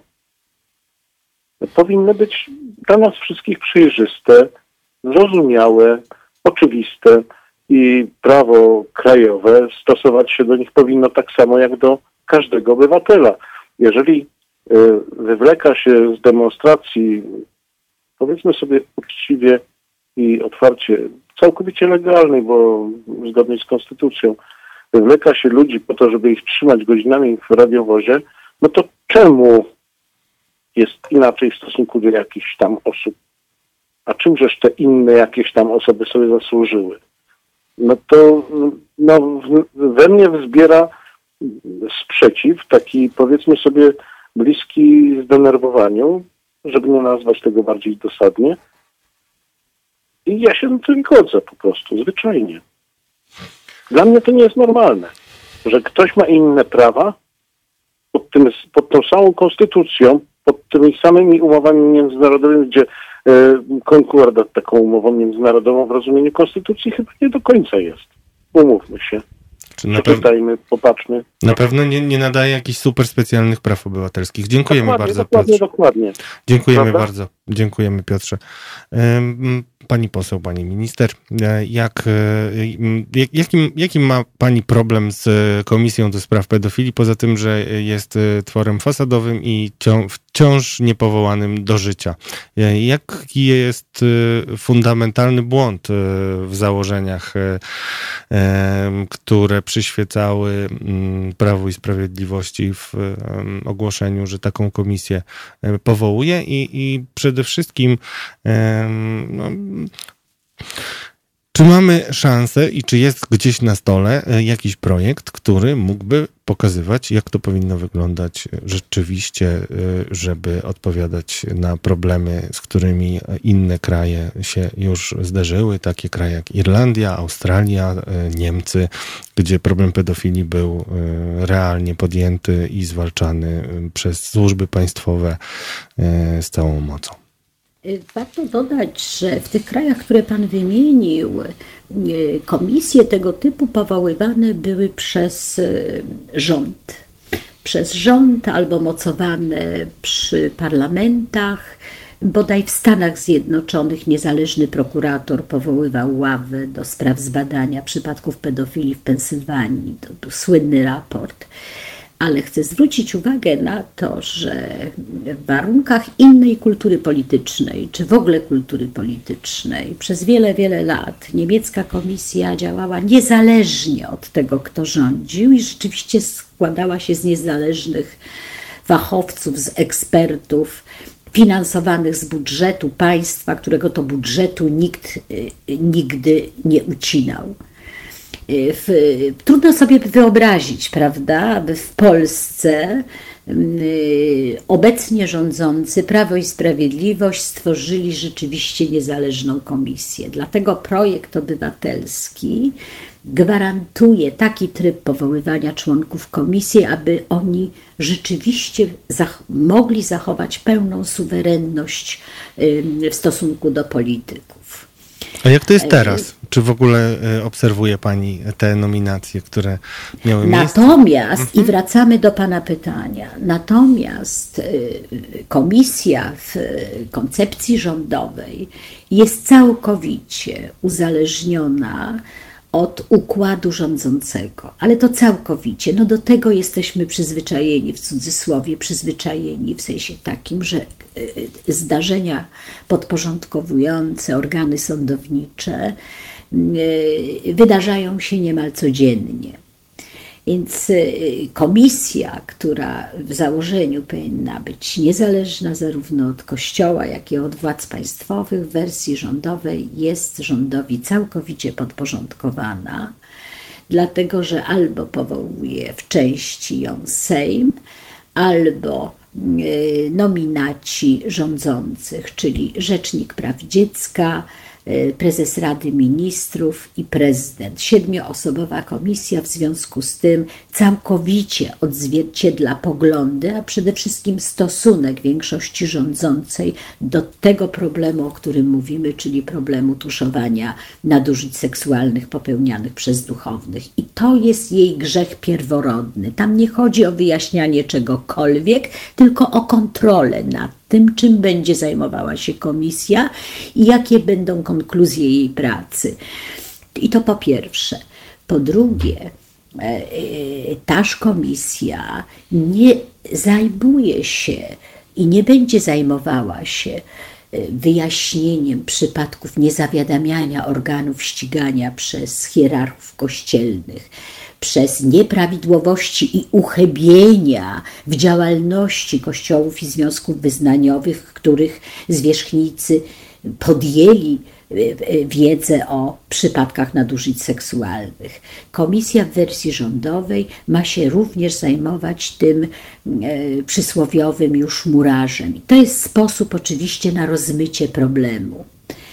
Mało tego, w przypadku nadużyć seksualnych popełnianych przez podmioty świeckie, wtedy kiedy dochodzi tam do tuszowania spraw, komisja ma uprawnienia w wersji rządowej, żeby zwrócić się do organów nadzorujących te struktury, te podmioty, gdzie solidaryzowano się na przykład z pedofilami, albo ukrywano fakty, albo nie dość skutecznie reagowano, o podjęcie postępowania dyscyplinarnego. Natomiast projekt rządowy nie mówi nic o tym, co w przypadku, kiedy tuszowano, ukrywano przypadki pedofilii w kościele. Jaki jest organ nadzorujący kościół? Do kogo ta komisja ma się zwrócić, żeby go zdyscyplinować?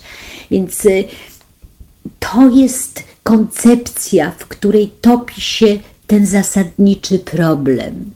I po trzecie, komisja w wersji rządowej w stosunku do spraw przedawnionych będzie miała prawo do rozpoczynania postępowania wyjaśniającego i wpisywania do rejestru sprawców przestępstw na tle seksualnym tych osób, co do których mimo przedawnienia podjęła podejrzenie, że byli rzeczywistymi sprawcami przestępstwa.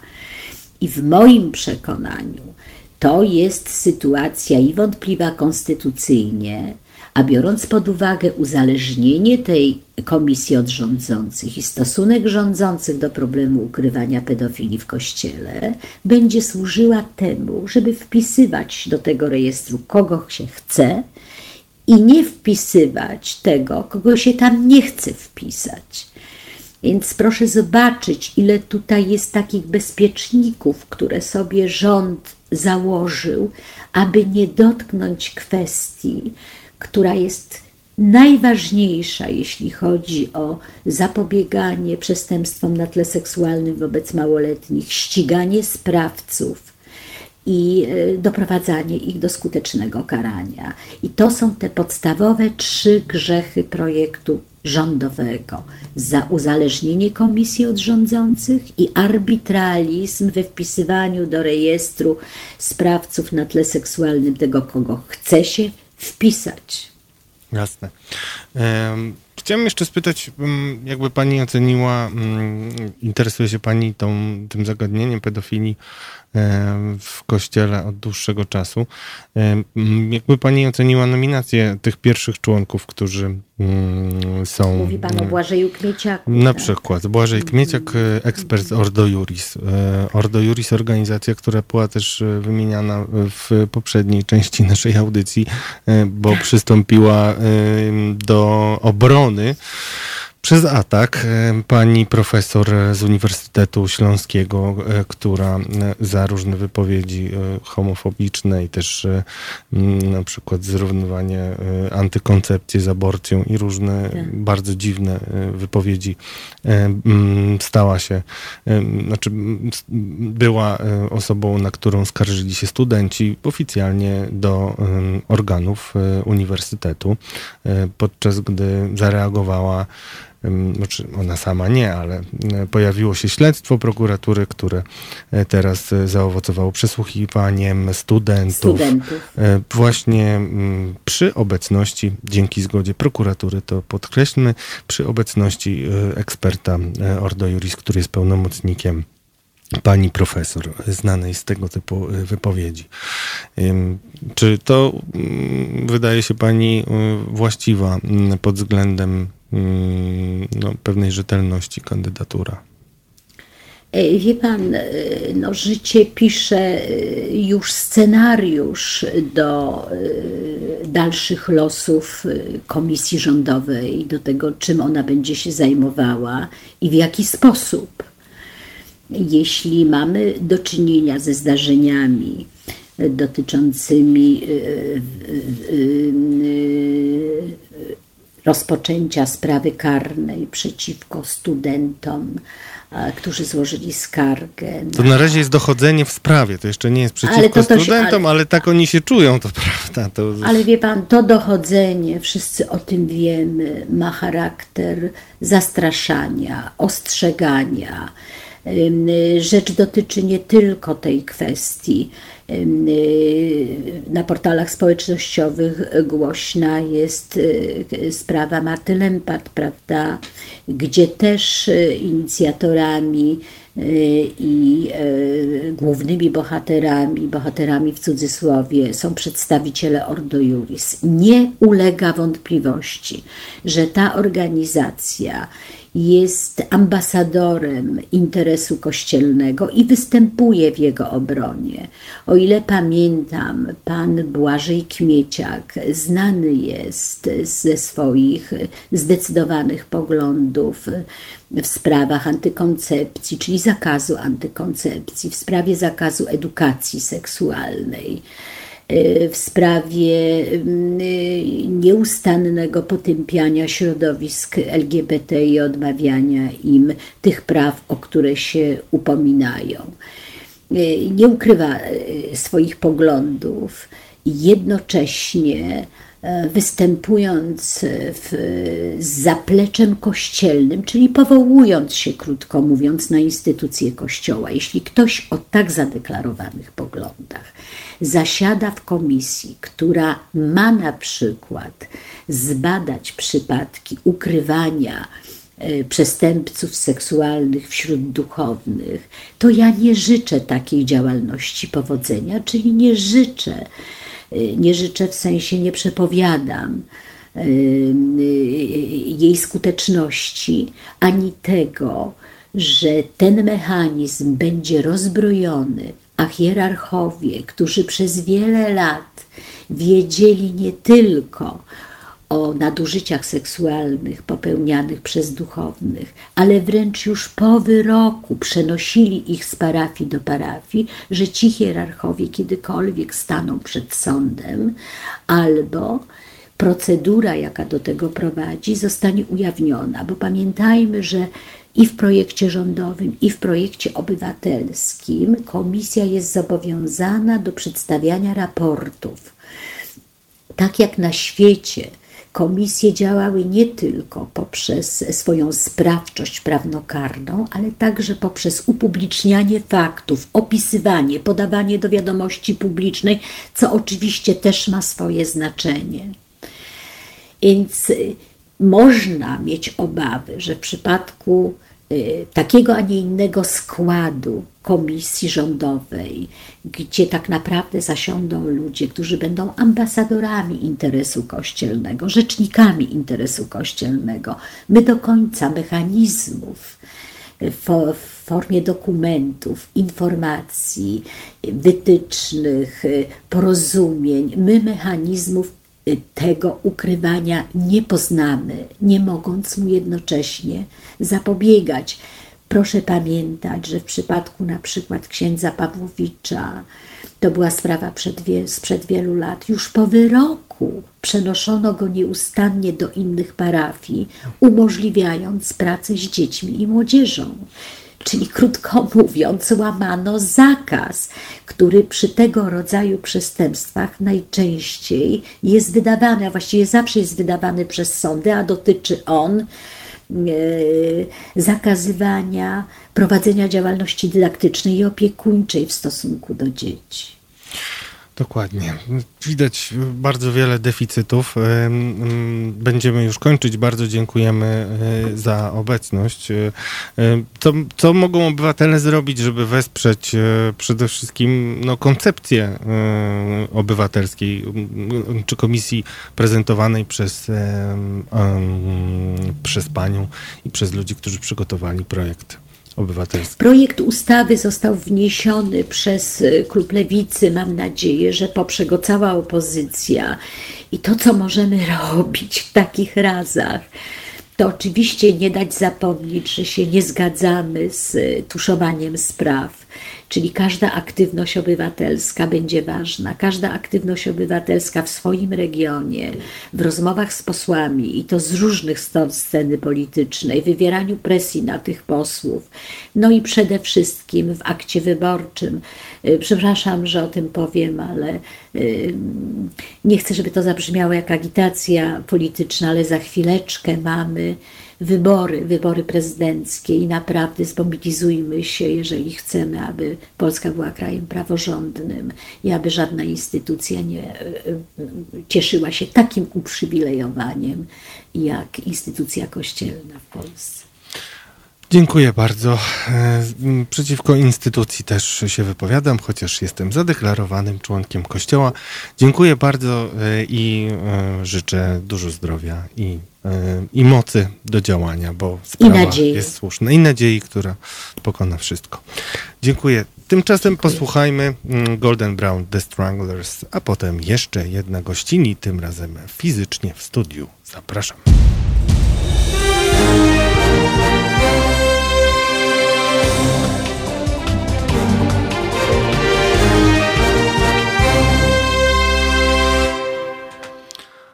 Dobry wieczór, halo radio słuchacze, halo radio słuchaczki.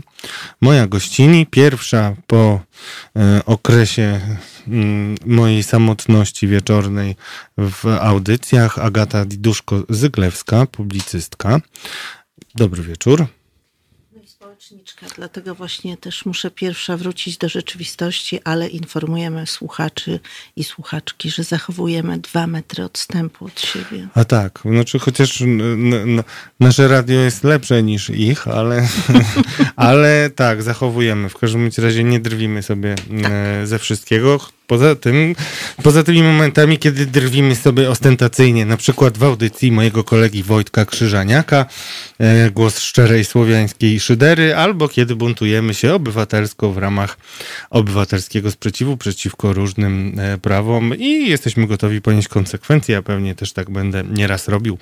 E, droga Agato, przede wszystkim wszystkim, którzy nie wiedzą, chciałem powiedzieć, że Agata jest jednoosobową instytucją, którą na pewno musieliście mm, kiedyś e, e, spotkać w internecie, czyli e, gdyby nie Agata, pewnie dziś mapa pedofilii w polskim kościele by nie funkcjonowała i mówię to ja, Radosław Gruca i z pełną odpowiedzialnością ta mapa się chyba zagęszcza cały czas, mimo że, że doba ma tylko 24 godziny i trzeba jeszcze zarobić na jakieś jedzenie, które pozwoli myśleć i pisać i chodzić i działać. Rzeczywiście zarabianie nie jest moją e, najsilniejszą stroną, ale jeśli chodzi o zagęszczanie mapy, e, radzę sobie świetnie. Rzeczywiście mapa e, kościelnej pedofilii i przemocy seksualnej powstała w październiku 2018 roku i głównymi osobami, które ją stworzyły, jestem rzeczywiście ja i Anna Szojring-Wielgus pomagali nam wolontariusze Fundacji Nie Lękajcie się i wolontariuszki. Natomiast ja tę mapę od tamtego momentu aktualizuję i y, odnotowałam ponad 11 milionów wejść na tę mapę od tego czasu, więc rzeczywiście ona też wzbudza spore zainteresowanie w Polsce. Dlatego, że ona jest takim rosnącym dokumentem, który pokazuje do pewnego stopnia skalę problemu kościelnej pedofilii i przemocy seksualnej w Polsce. Do pewnego stopnia, bo oczywiście jest tak, że na tej mapie, tam jest kilka kategorii, ale ja tam umieszczam e, przede wszystkim takie sprawy, które, o których ktoś już gdzieś napisał. Więc my żeśmy na początku przeszukali bardzo dużo mediów lokalnych, przede wszystkim z różnych stron Polski, ale też mediów ogólnopolskich i ja od tego czasu to robię dalej, czyli przeszukuję cały czas media, bo sęk w tym, że większość tych spraw związanych właśnie z takimi E, przestępstwami dotyczącymi przemocy seksualnej wobec dzieci popełnianymi przez księży jednak nie dociera do mediów ogólnopolskich, tylko jest na takich portalach, które są właśnie portalami e, małych miasteczek, jakichś gmin. I Chwała nie trafia wyżej. Tak. Chciałem powiedzieć, bo to ja też w swojej książce y, bardzo starałem się oddać y, honor tym dziennikarzom, którzy biorą na siebie mm, nie tylko odpowiedzialność, ale też swego rodzaju brzemię, przynajmniej w niektórych środowiskach, bo jednak lokalne społeczności mają takie swoje kordony obrońców złej sprawy, bo obrona pedofilów e, w sutannach jest złą sprawą, więc e, chylę nisko czoła, no, ale, ja... ale nie wiedzielibyśmy o tym, jak bardzo to jest e, rozplenione zjawisko bez Agaty i tego typu aktywistów, którzy poświęcają dużo czasu, czy po filmie braci Sekielskich, drugim znowu mamy taką falę zgłoszeń zgłoszeń przestępców seksualnych w mhm. kościele, czy też docierają tak, do ja ciebie.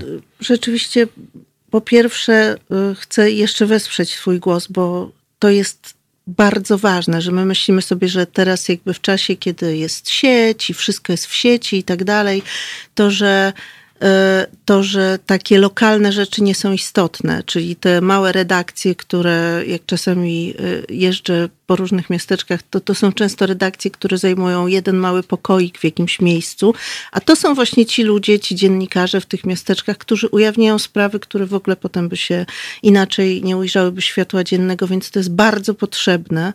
I, e, I naprawdę to jest bardzo cenne, więc doceniajcie tych dziennikarzy i te dziennikarki ja po. Y, mapa rzeczywiście, kiedy powstała, bo mm, przypomnijmy to sobie, bo pamięć jest rzeczywiście krótka, ale mamy za sobą takie półtora roku takich kolejnych kroków dwa filmy braci Sekielskich były tylko jednym z tych elementów bardzo ważnym i takim, który rzeczywiście nadał temu chyba był największym megafonem. Ale, ale mapa była wcześniej i też taka tak, manifestacja, tak, kolei... która była wcześniej i tak, Fundacja tak. Nie Lękajcie się była wcześniej, także to... I bardzo jest, różne tak. działania. Natomiast mhm. rzeczywiście ten, od tego 2018 to było tak, że my żeśmy z Janną Szojring-Wielgus, Joanna jako pierwsza posłanka wprowadziła w ogóle ten temat do Sejmu, organizując pierwsze konferencje na ten temat, które były szerokim łukiem omijane przez większość posłów, więc to jest też dosyć historyczne, że ona naprawdę jest pierwszą osobą, która sprawiła, że w Sejmie ten temat i ta krzywda dzieci się znalazła.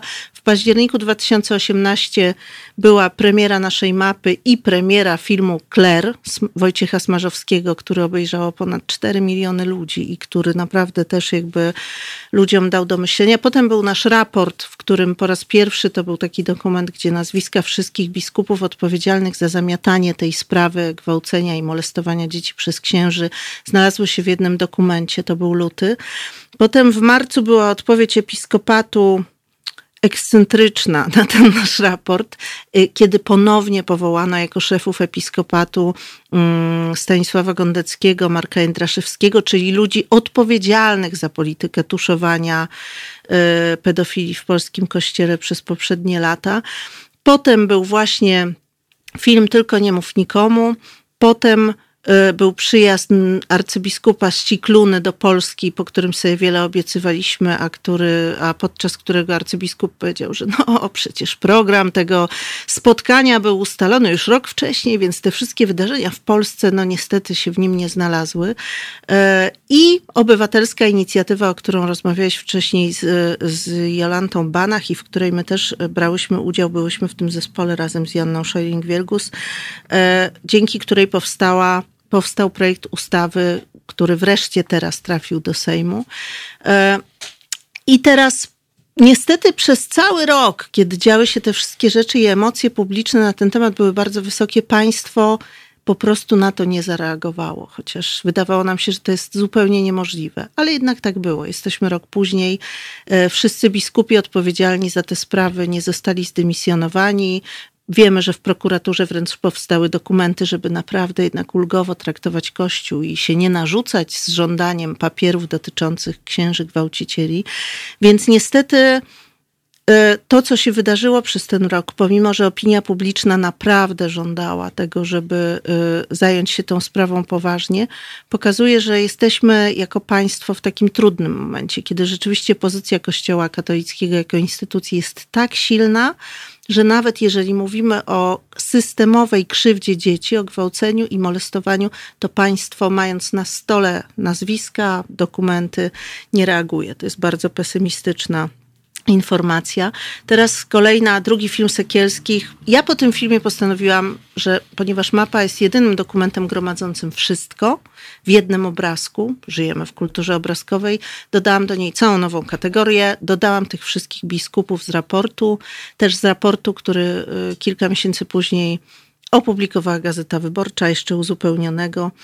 Więc teraz każdy też wchodząc na mapę może zobaczyć, że niestety ofiara, która szuka sprawiedliwości, a zgłosi się nie na policję, tylko do diecezji, ma dosyć dużą szansę, żeby trafić na człowieka, biskupa, który ma już doświadczenie w zamiataniu tych spraw pod dywan. I myślę, że to jest taka ważna informacja i że warto wejść na mapę. To sekundę tylko jeszcze zobaczyć. posłuchajmy znowu głos e, słuchacza. E, dobry wieczór, Piotrze. Y, dobry, dobry wieczór, Kuba, przepraszam. Dobry tak, wieczór. dobry wieczór. Dobry wieczór, Radko. Agato, dobry wieczór. Strasznie się cieszę, że po raz kolejny jesteś gościnią e, w, studiu Haloradia e, i pewnie w imieniu e, absolutnej większości słuchaczy, a na pewno w imieniu całego zespołu, e, wybacz, że nie osobiście, ale przez telefon.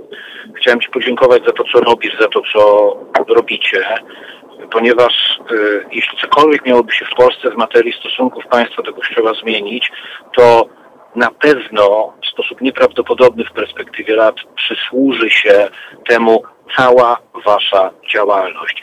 Ja bym dołożył tylko do tego odrobinę jeszcze pewnej kwestii, e, która w ramach wielkiego plakatu wisi za wami. Dwa lata temu wspólnie e, z doktorem Andrzejem Poleczkiewiczem, ekonomistą i jego zespołem ekonomistów, e, nie ukrywam tego, że wykonaliśmy tytaniczną pracę polegającą na tym, żeby rzeczywiście wiarygodnie oszacować, ile Kościół katolicki kosztuje. I kiedy to zrobiliśmy, to ci wszyscy ekonomiści, było ich kilku, rozpiętość wiekowa, o jak dobrze pamiętam, od 35 do 70 lat powiedzieli tak. Dopóty, dopóki nie odetnie się Kościoła jednym precyzyjnym, gigantycznym cięciem od państwowych pieniędzy będą rabować, palić i gwałcić. Jak w aferze Watergate, pieniądze zawsze w takiej sytuacji są kluczem. I chciałbym, żebyśmy doszli do takiego momentu wspólnie, na bardzo wielu frontach, żeby przynajmniej z taką samą energią, z jaką wykonujecie tytaniczną pracę, wreszcie w przestrzeni publicznej zająć się tym, co daje Kościołowi władzę, przyzwolenie na patologię i wszelkiego rodzaju, mówiąc delikatnie, uprzywilejowanie. To są pieniądze, nasze pieniądze. Dopóty, dopóki ta krew będzie płynęła do Kościoła w postaci naszych pieniędzy. Dopóty, dopóki ten tlen będzie podawany Kościołowi w postaci naszych pieniędzy w takim kraju jak Polska. Ja mam takie wrażenie, chciałbym się mylić, ale wszystkie ostatnie lata niestety tylko to potwierdzają. Nic w tej kwestii się nie zmieni.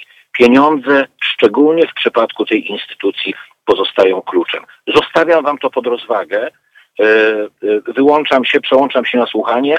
Jeszcze raz strasznie Ci dziękuję za to, co robisz, za to, co robicie. To jest wielka, tytaniczna robota. Pozdrawiam Was serdecznie i, i słucham dalej. Wszystkiego dobrego. Dzięki. Ojciec, padre dyrektore. A ja chciałem poprosić Ciebie jeszcze mm, e, o jedną e, rzecz, bo też e, to mnie jako warszawiakowi, ale też jako sympatykowi grupy wiernych, głos wiernych z Gdańska, którzy bardzo, bardzo, bardzo duże zasługi mają w zmianie, jaka dokonuje się wokół arcybiskupa Leszka Sławoja Głodzia. Ja cały czas Państwu mówię, że to nie jest jeszcze zamknięta sprawa i do sierpnia jest jeszcze trochę czasu i jeszcze może się wydarzyć dużo, e, jeśli chodzi o jego wcześniejszą emeryturę. E, także wrócimy na pewno do tego tematu. Dzisiaj miałem też taki miły telefon od osoby, która gromadzi mm, różne sprawy e, dotyczące tuszowania pedofilii przez arcybiskupa Leszka Sławoja Kłodzia. Napisałem też w lutym artykuł e, we wprost o tym, że jest pod lupą Watykanu. Niestety, e, z mojego punktu widzenia, niestety e, pomogła mu mm, epidemia w poniesieniu pewnych konsekwencji, ale klimat znacząco się zmienił i chciałem też poprosić w nieponiesieniu konsekwencji, ale klimat, tak, w nieponiesieniu, klimat znacząco się zmienił, ale chciałem też spytać, bo mm, to mnie boli jako warszawiaka.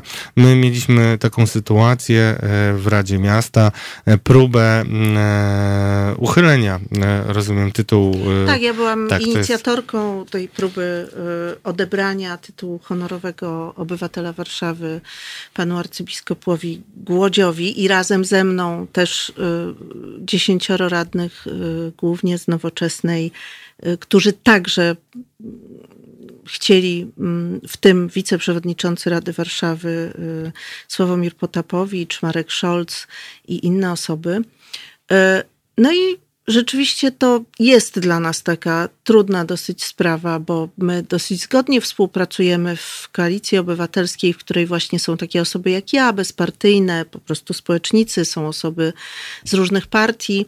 Y, to jednak ta kwestia rzeczywiście jest kwestią trudną i, e, I ja też uważam, że to nie może się tak skończyć, dlatego że ja nie wiem, dlaczego y, y, nasze koleżanki i koledzy y, mm, nie dopuścili w ogóle tej rozmowy, bo po prostu nie dopuszczono w ogóle punktu, który pozwoliłby na to, żeby w regulaminie Rady przyznawania tych tytułów wprowadzić punkt o odbieraniu ich, co byłoby pierwszym krokiem do tego, żeby móc rzeczywiście odebrać ten tytuł arcybiskupowi Głodziowi i arcybiskupowi Hozerowi, bo taki był nasz wniosek. Natomiast no, niestety okazało się, że cały czas spora część naszych kolegów i koleżanek. E, no tak. Nie wiem właściwie, jak, jak to o tym mówić też. Wymowne. Y, to, to, był, to był rzeczywiście, bo naprawdę mam poczucie, że w wielu sprawach się bardzo dobrze rozumiemy. Ta sprawa jest bardzo trudną sprawą, ale mam nadzieję, że. Yy, no, że dobrniemy do tego momentu, kiedy jednak osoba, która tak, jest w naszym raporcie, który napisałyśmy razem z Janną Szojring-Wielgus i prawniczką Anną Frankowską, jako jeden z arcybiskupów tuszujących sprawy pedofilskie i jest też oskarżony i przez księży, i przez społeczność katolicką właśnie Wybrzeża o sytuacje, które no, są chyba mobbing, mobbingiem, tak? tak Możemy tak to nazwać. Więc to jest rzeczywiście człowiek, który naprawdę wydaje się, że ten tytuł honorowego obywatela Warszawy powinien rzeczywiście być przyznawany osobom, które naprawdę mają zasługi dla miasta i też w jakiś sposób mogą być wzorami dla innych ludzi. Wydaje się, że arcybiskup Głódź taką osobą zdecydowanie nie jest. jest ale muszę. Antybohaterem tak. bym powiedział. Ale I to, to ja od razu powiem jedną katolików. Od słów, to ja od słów do czynów chciałem powiedzieć i dlatego poprosiłem też, żebyśmy przypomnieli tę sprawę, e, ponieważ ja sam e, znam przynajmniej kilka przypadków księży e, pedofilów e, na terenie diecezji warszawskiej. I bardzo bym chciał wszystkich prosić Was, którzy macie jakiekolwiek informacje na temat nawet dawnych spraw i tuszowania historii przestępstw seksualnych podczas poprzednich lat, szczególnie wtedy, kiedy arcybiskup Leszek Sławoj Głódź był tutaj panem i władcą, żebyście pisali do mnie i do Agaty też. Tak, na mapie jest też kardynał Nycz. Naprawdę będziemy wdzięczni za wszelkie informacje, dlatego że... Nie zostawiajmy tej sprawy, bo tak. szczególnie dla mnie osobiście postać arcybiskupa Leszka Sławoja Głudzia jest takim um, naprawdę przykładem ogniskowania się wszystkich patologii polskiego kościoła, bo tu jest opilstwo, obżarstwo, mobbing, złe traktowanie ludzi, tuszowanie przestępstw seksualnych Sporo i tak grzechów dalej. głównych jest obecnych. Do, więc uważam, że nie można tego zostawić absolutnie i chciałem wam też tutaj obiecać, że do tego tematu e, jeszcze będziemy wracać i proszę was, jeżeli coś wam się przypomniało teraz e, i będziecie odsłuchiwać tej audycji, proszę piszcie do Agaty, piszcie też na grucamałpahalo.radio. Na pewno nie zostawimy tej sprawy. Uważam, że jest ona bardzo istotna. Ja bym jeszcze tu chciała dodać jedną rzecz, bo dodałam te kategorie do mapy tych wszystkich biskupów, arcybiskupów, kardynałów odpowiedzialnych za tuszowanie pedofilii i y, zrobiłam też tak i zachęcam Państwa do wejścia na stronę www.mapakościelnejpedofilii.pl, ponieważ zobaczycie tam przy każdym takim biskupie, arcybiskupie jest opisane są te przypadki, w których on brał udział, w których jest odpowiedzialny za przenoszenie sprawców i tak dalej, ale ja też zrobiłam tak, że opisałam w każdym z takich przypadków, w ilu miastach i miejscowościach dany biskup, arcybiskup jest honorowym obywatelem, bo to jest symptomatyczna rzecz, bo to pokazuje w taki niezwykle oczywisty sposób ten związek między władzami lokalnymi a tymi hierarchami kościoła. Dlatego, że żeby zostać honorowym obywatelem, każdy człowiek danego miasta musi się naprawdę dla tego miasta czymś zasłużyć. Natomiast hierarchowie kościoła zostają honorowymi obywatelami w wielu miastach automatycznie. Jeżeli jesteś metropolitą danego miasta, to zostajesz honorowym obywatelem, bez względu na to, czy coś dla miasta zrobiłeś, czy nie.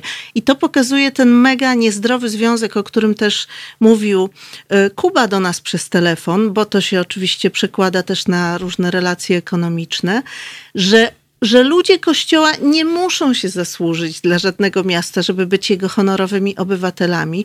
Ja z radością obserwuję, że tak jak ja i moje koleżanki i koledzy z Rady Warszawy, ta jedenastka gniewnych.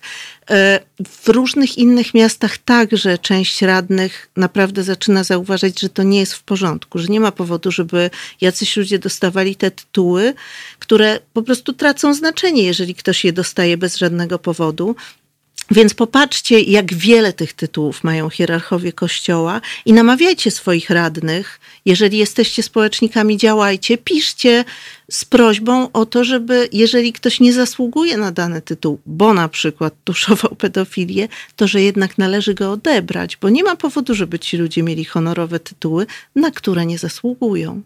Bardzo dziękuję e, za ten głos i e, absolutnie się przyłączam. E, nie pozwólmy na to, żeby osoby niegodne były wynoszone na mm, piedestały i na pomniki. Chcę podkreślić to, co e, wielokrotnie mówiłem, że taki biskup, e, który e, mówi się potocznie, zamiata pod dywan, tak naprawdę jest współodpowiedzialny i ja naprawdę mam problem z ocenieniem, czy nie jest jeszcze bardziej winny, bo ksiądz pedofil krzywdzi te osoby, natomiast to przeniesienie to nie jest tylko działanie na rzecz uniknięcia kary, tylko to jest dopuszczenie do tak, tego, żeby kolejne ofiary były, a tutaj w Polsce mamy bardzo mało też spraw księży, którzy, e, e, gdzie o, o, wszystkie ofiary mieszczą się na, e, na, wśród pokrzywdzonych, tylko to są jakieś pojedyncze sprawy i nie zdajecie sobie sprawy, jak bardzo wiele jest w tym krzywdy. Dziękuję Wam za dzisiejszą audycję. Dziękuję Halo Radio Słuchacze. Pamiętajcie, żeby wspierać działalność obywatelską Halo Radio, naszej fundacji. Działamy dzięki Wam. Prosimy Was o pomoc. E, Zachęcam też Was do wspierania działalności e, naszej gościni, którą także możecie poprzeć poprzez Patronite'a. Dziękuję Wam bardzo, śpijcie dobrze i e, bądźcie zdrowi. Do usłyszenia w przyszłym tygodniu. Dobranoc. Dobranoc. Dzień dobry, nazywam się Kuba Wątły. Jestem pomysłodawcą projektu Haloradia, pierwszego w Polsce w pełni profesjonalnego medium dla obywateli. Dla niektórych z Państwa jestem też ojcem dyrektorem, chyba dlatego, że czasami udzielam się w naszych programach nagle i z zaskoczenia. I dobrze, wszak dobre toruńskie wzorce są zawsze w cenie, no poza tym jednym. Pan Rydzyk gromadzi pieniądze, by nas dzielić i z czasem doprowadzić do wojny domowej na tle religijnym. My prosimy natomiast Państwa o wsparcie, by móc z Wami rozmawiać, by wspólnie się uczyć, by tolerancję zastąpiła akceptacja. Zauważyliście, jak różne są te dwa słowa? Akceptujmy siebie i akceptujmy to, że po 30 latach, od 1989 roku, tylko dzięki państwu możemy tworzyć medium bez udziału polityków i nie na pasku korporacji. Pamiętajcie o nas codziennie. I jeśli chcecie być częścią naszej społeczności, to słuchajcie, oglądajcie, piszcie, mówcie i finansujcie swój obywatelski projekt Halo Radia. www.halo.radio ukośnik SOS. Dziękuję w imieniu wszystkich dziennikarzy i swoim własnym.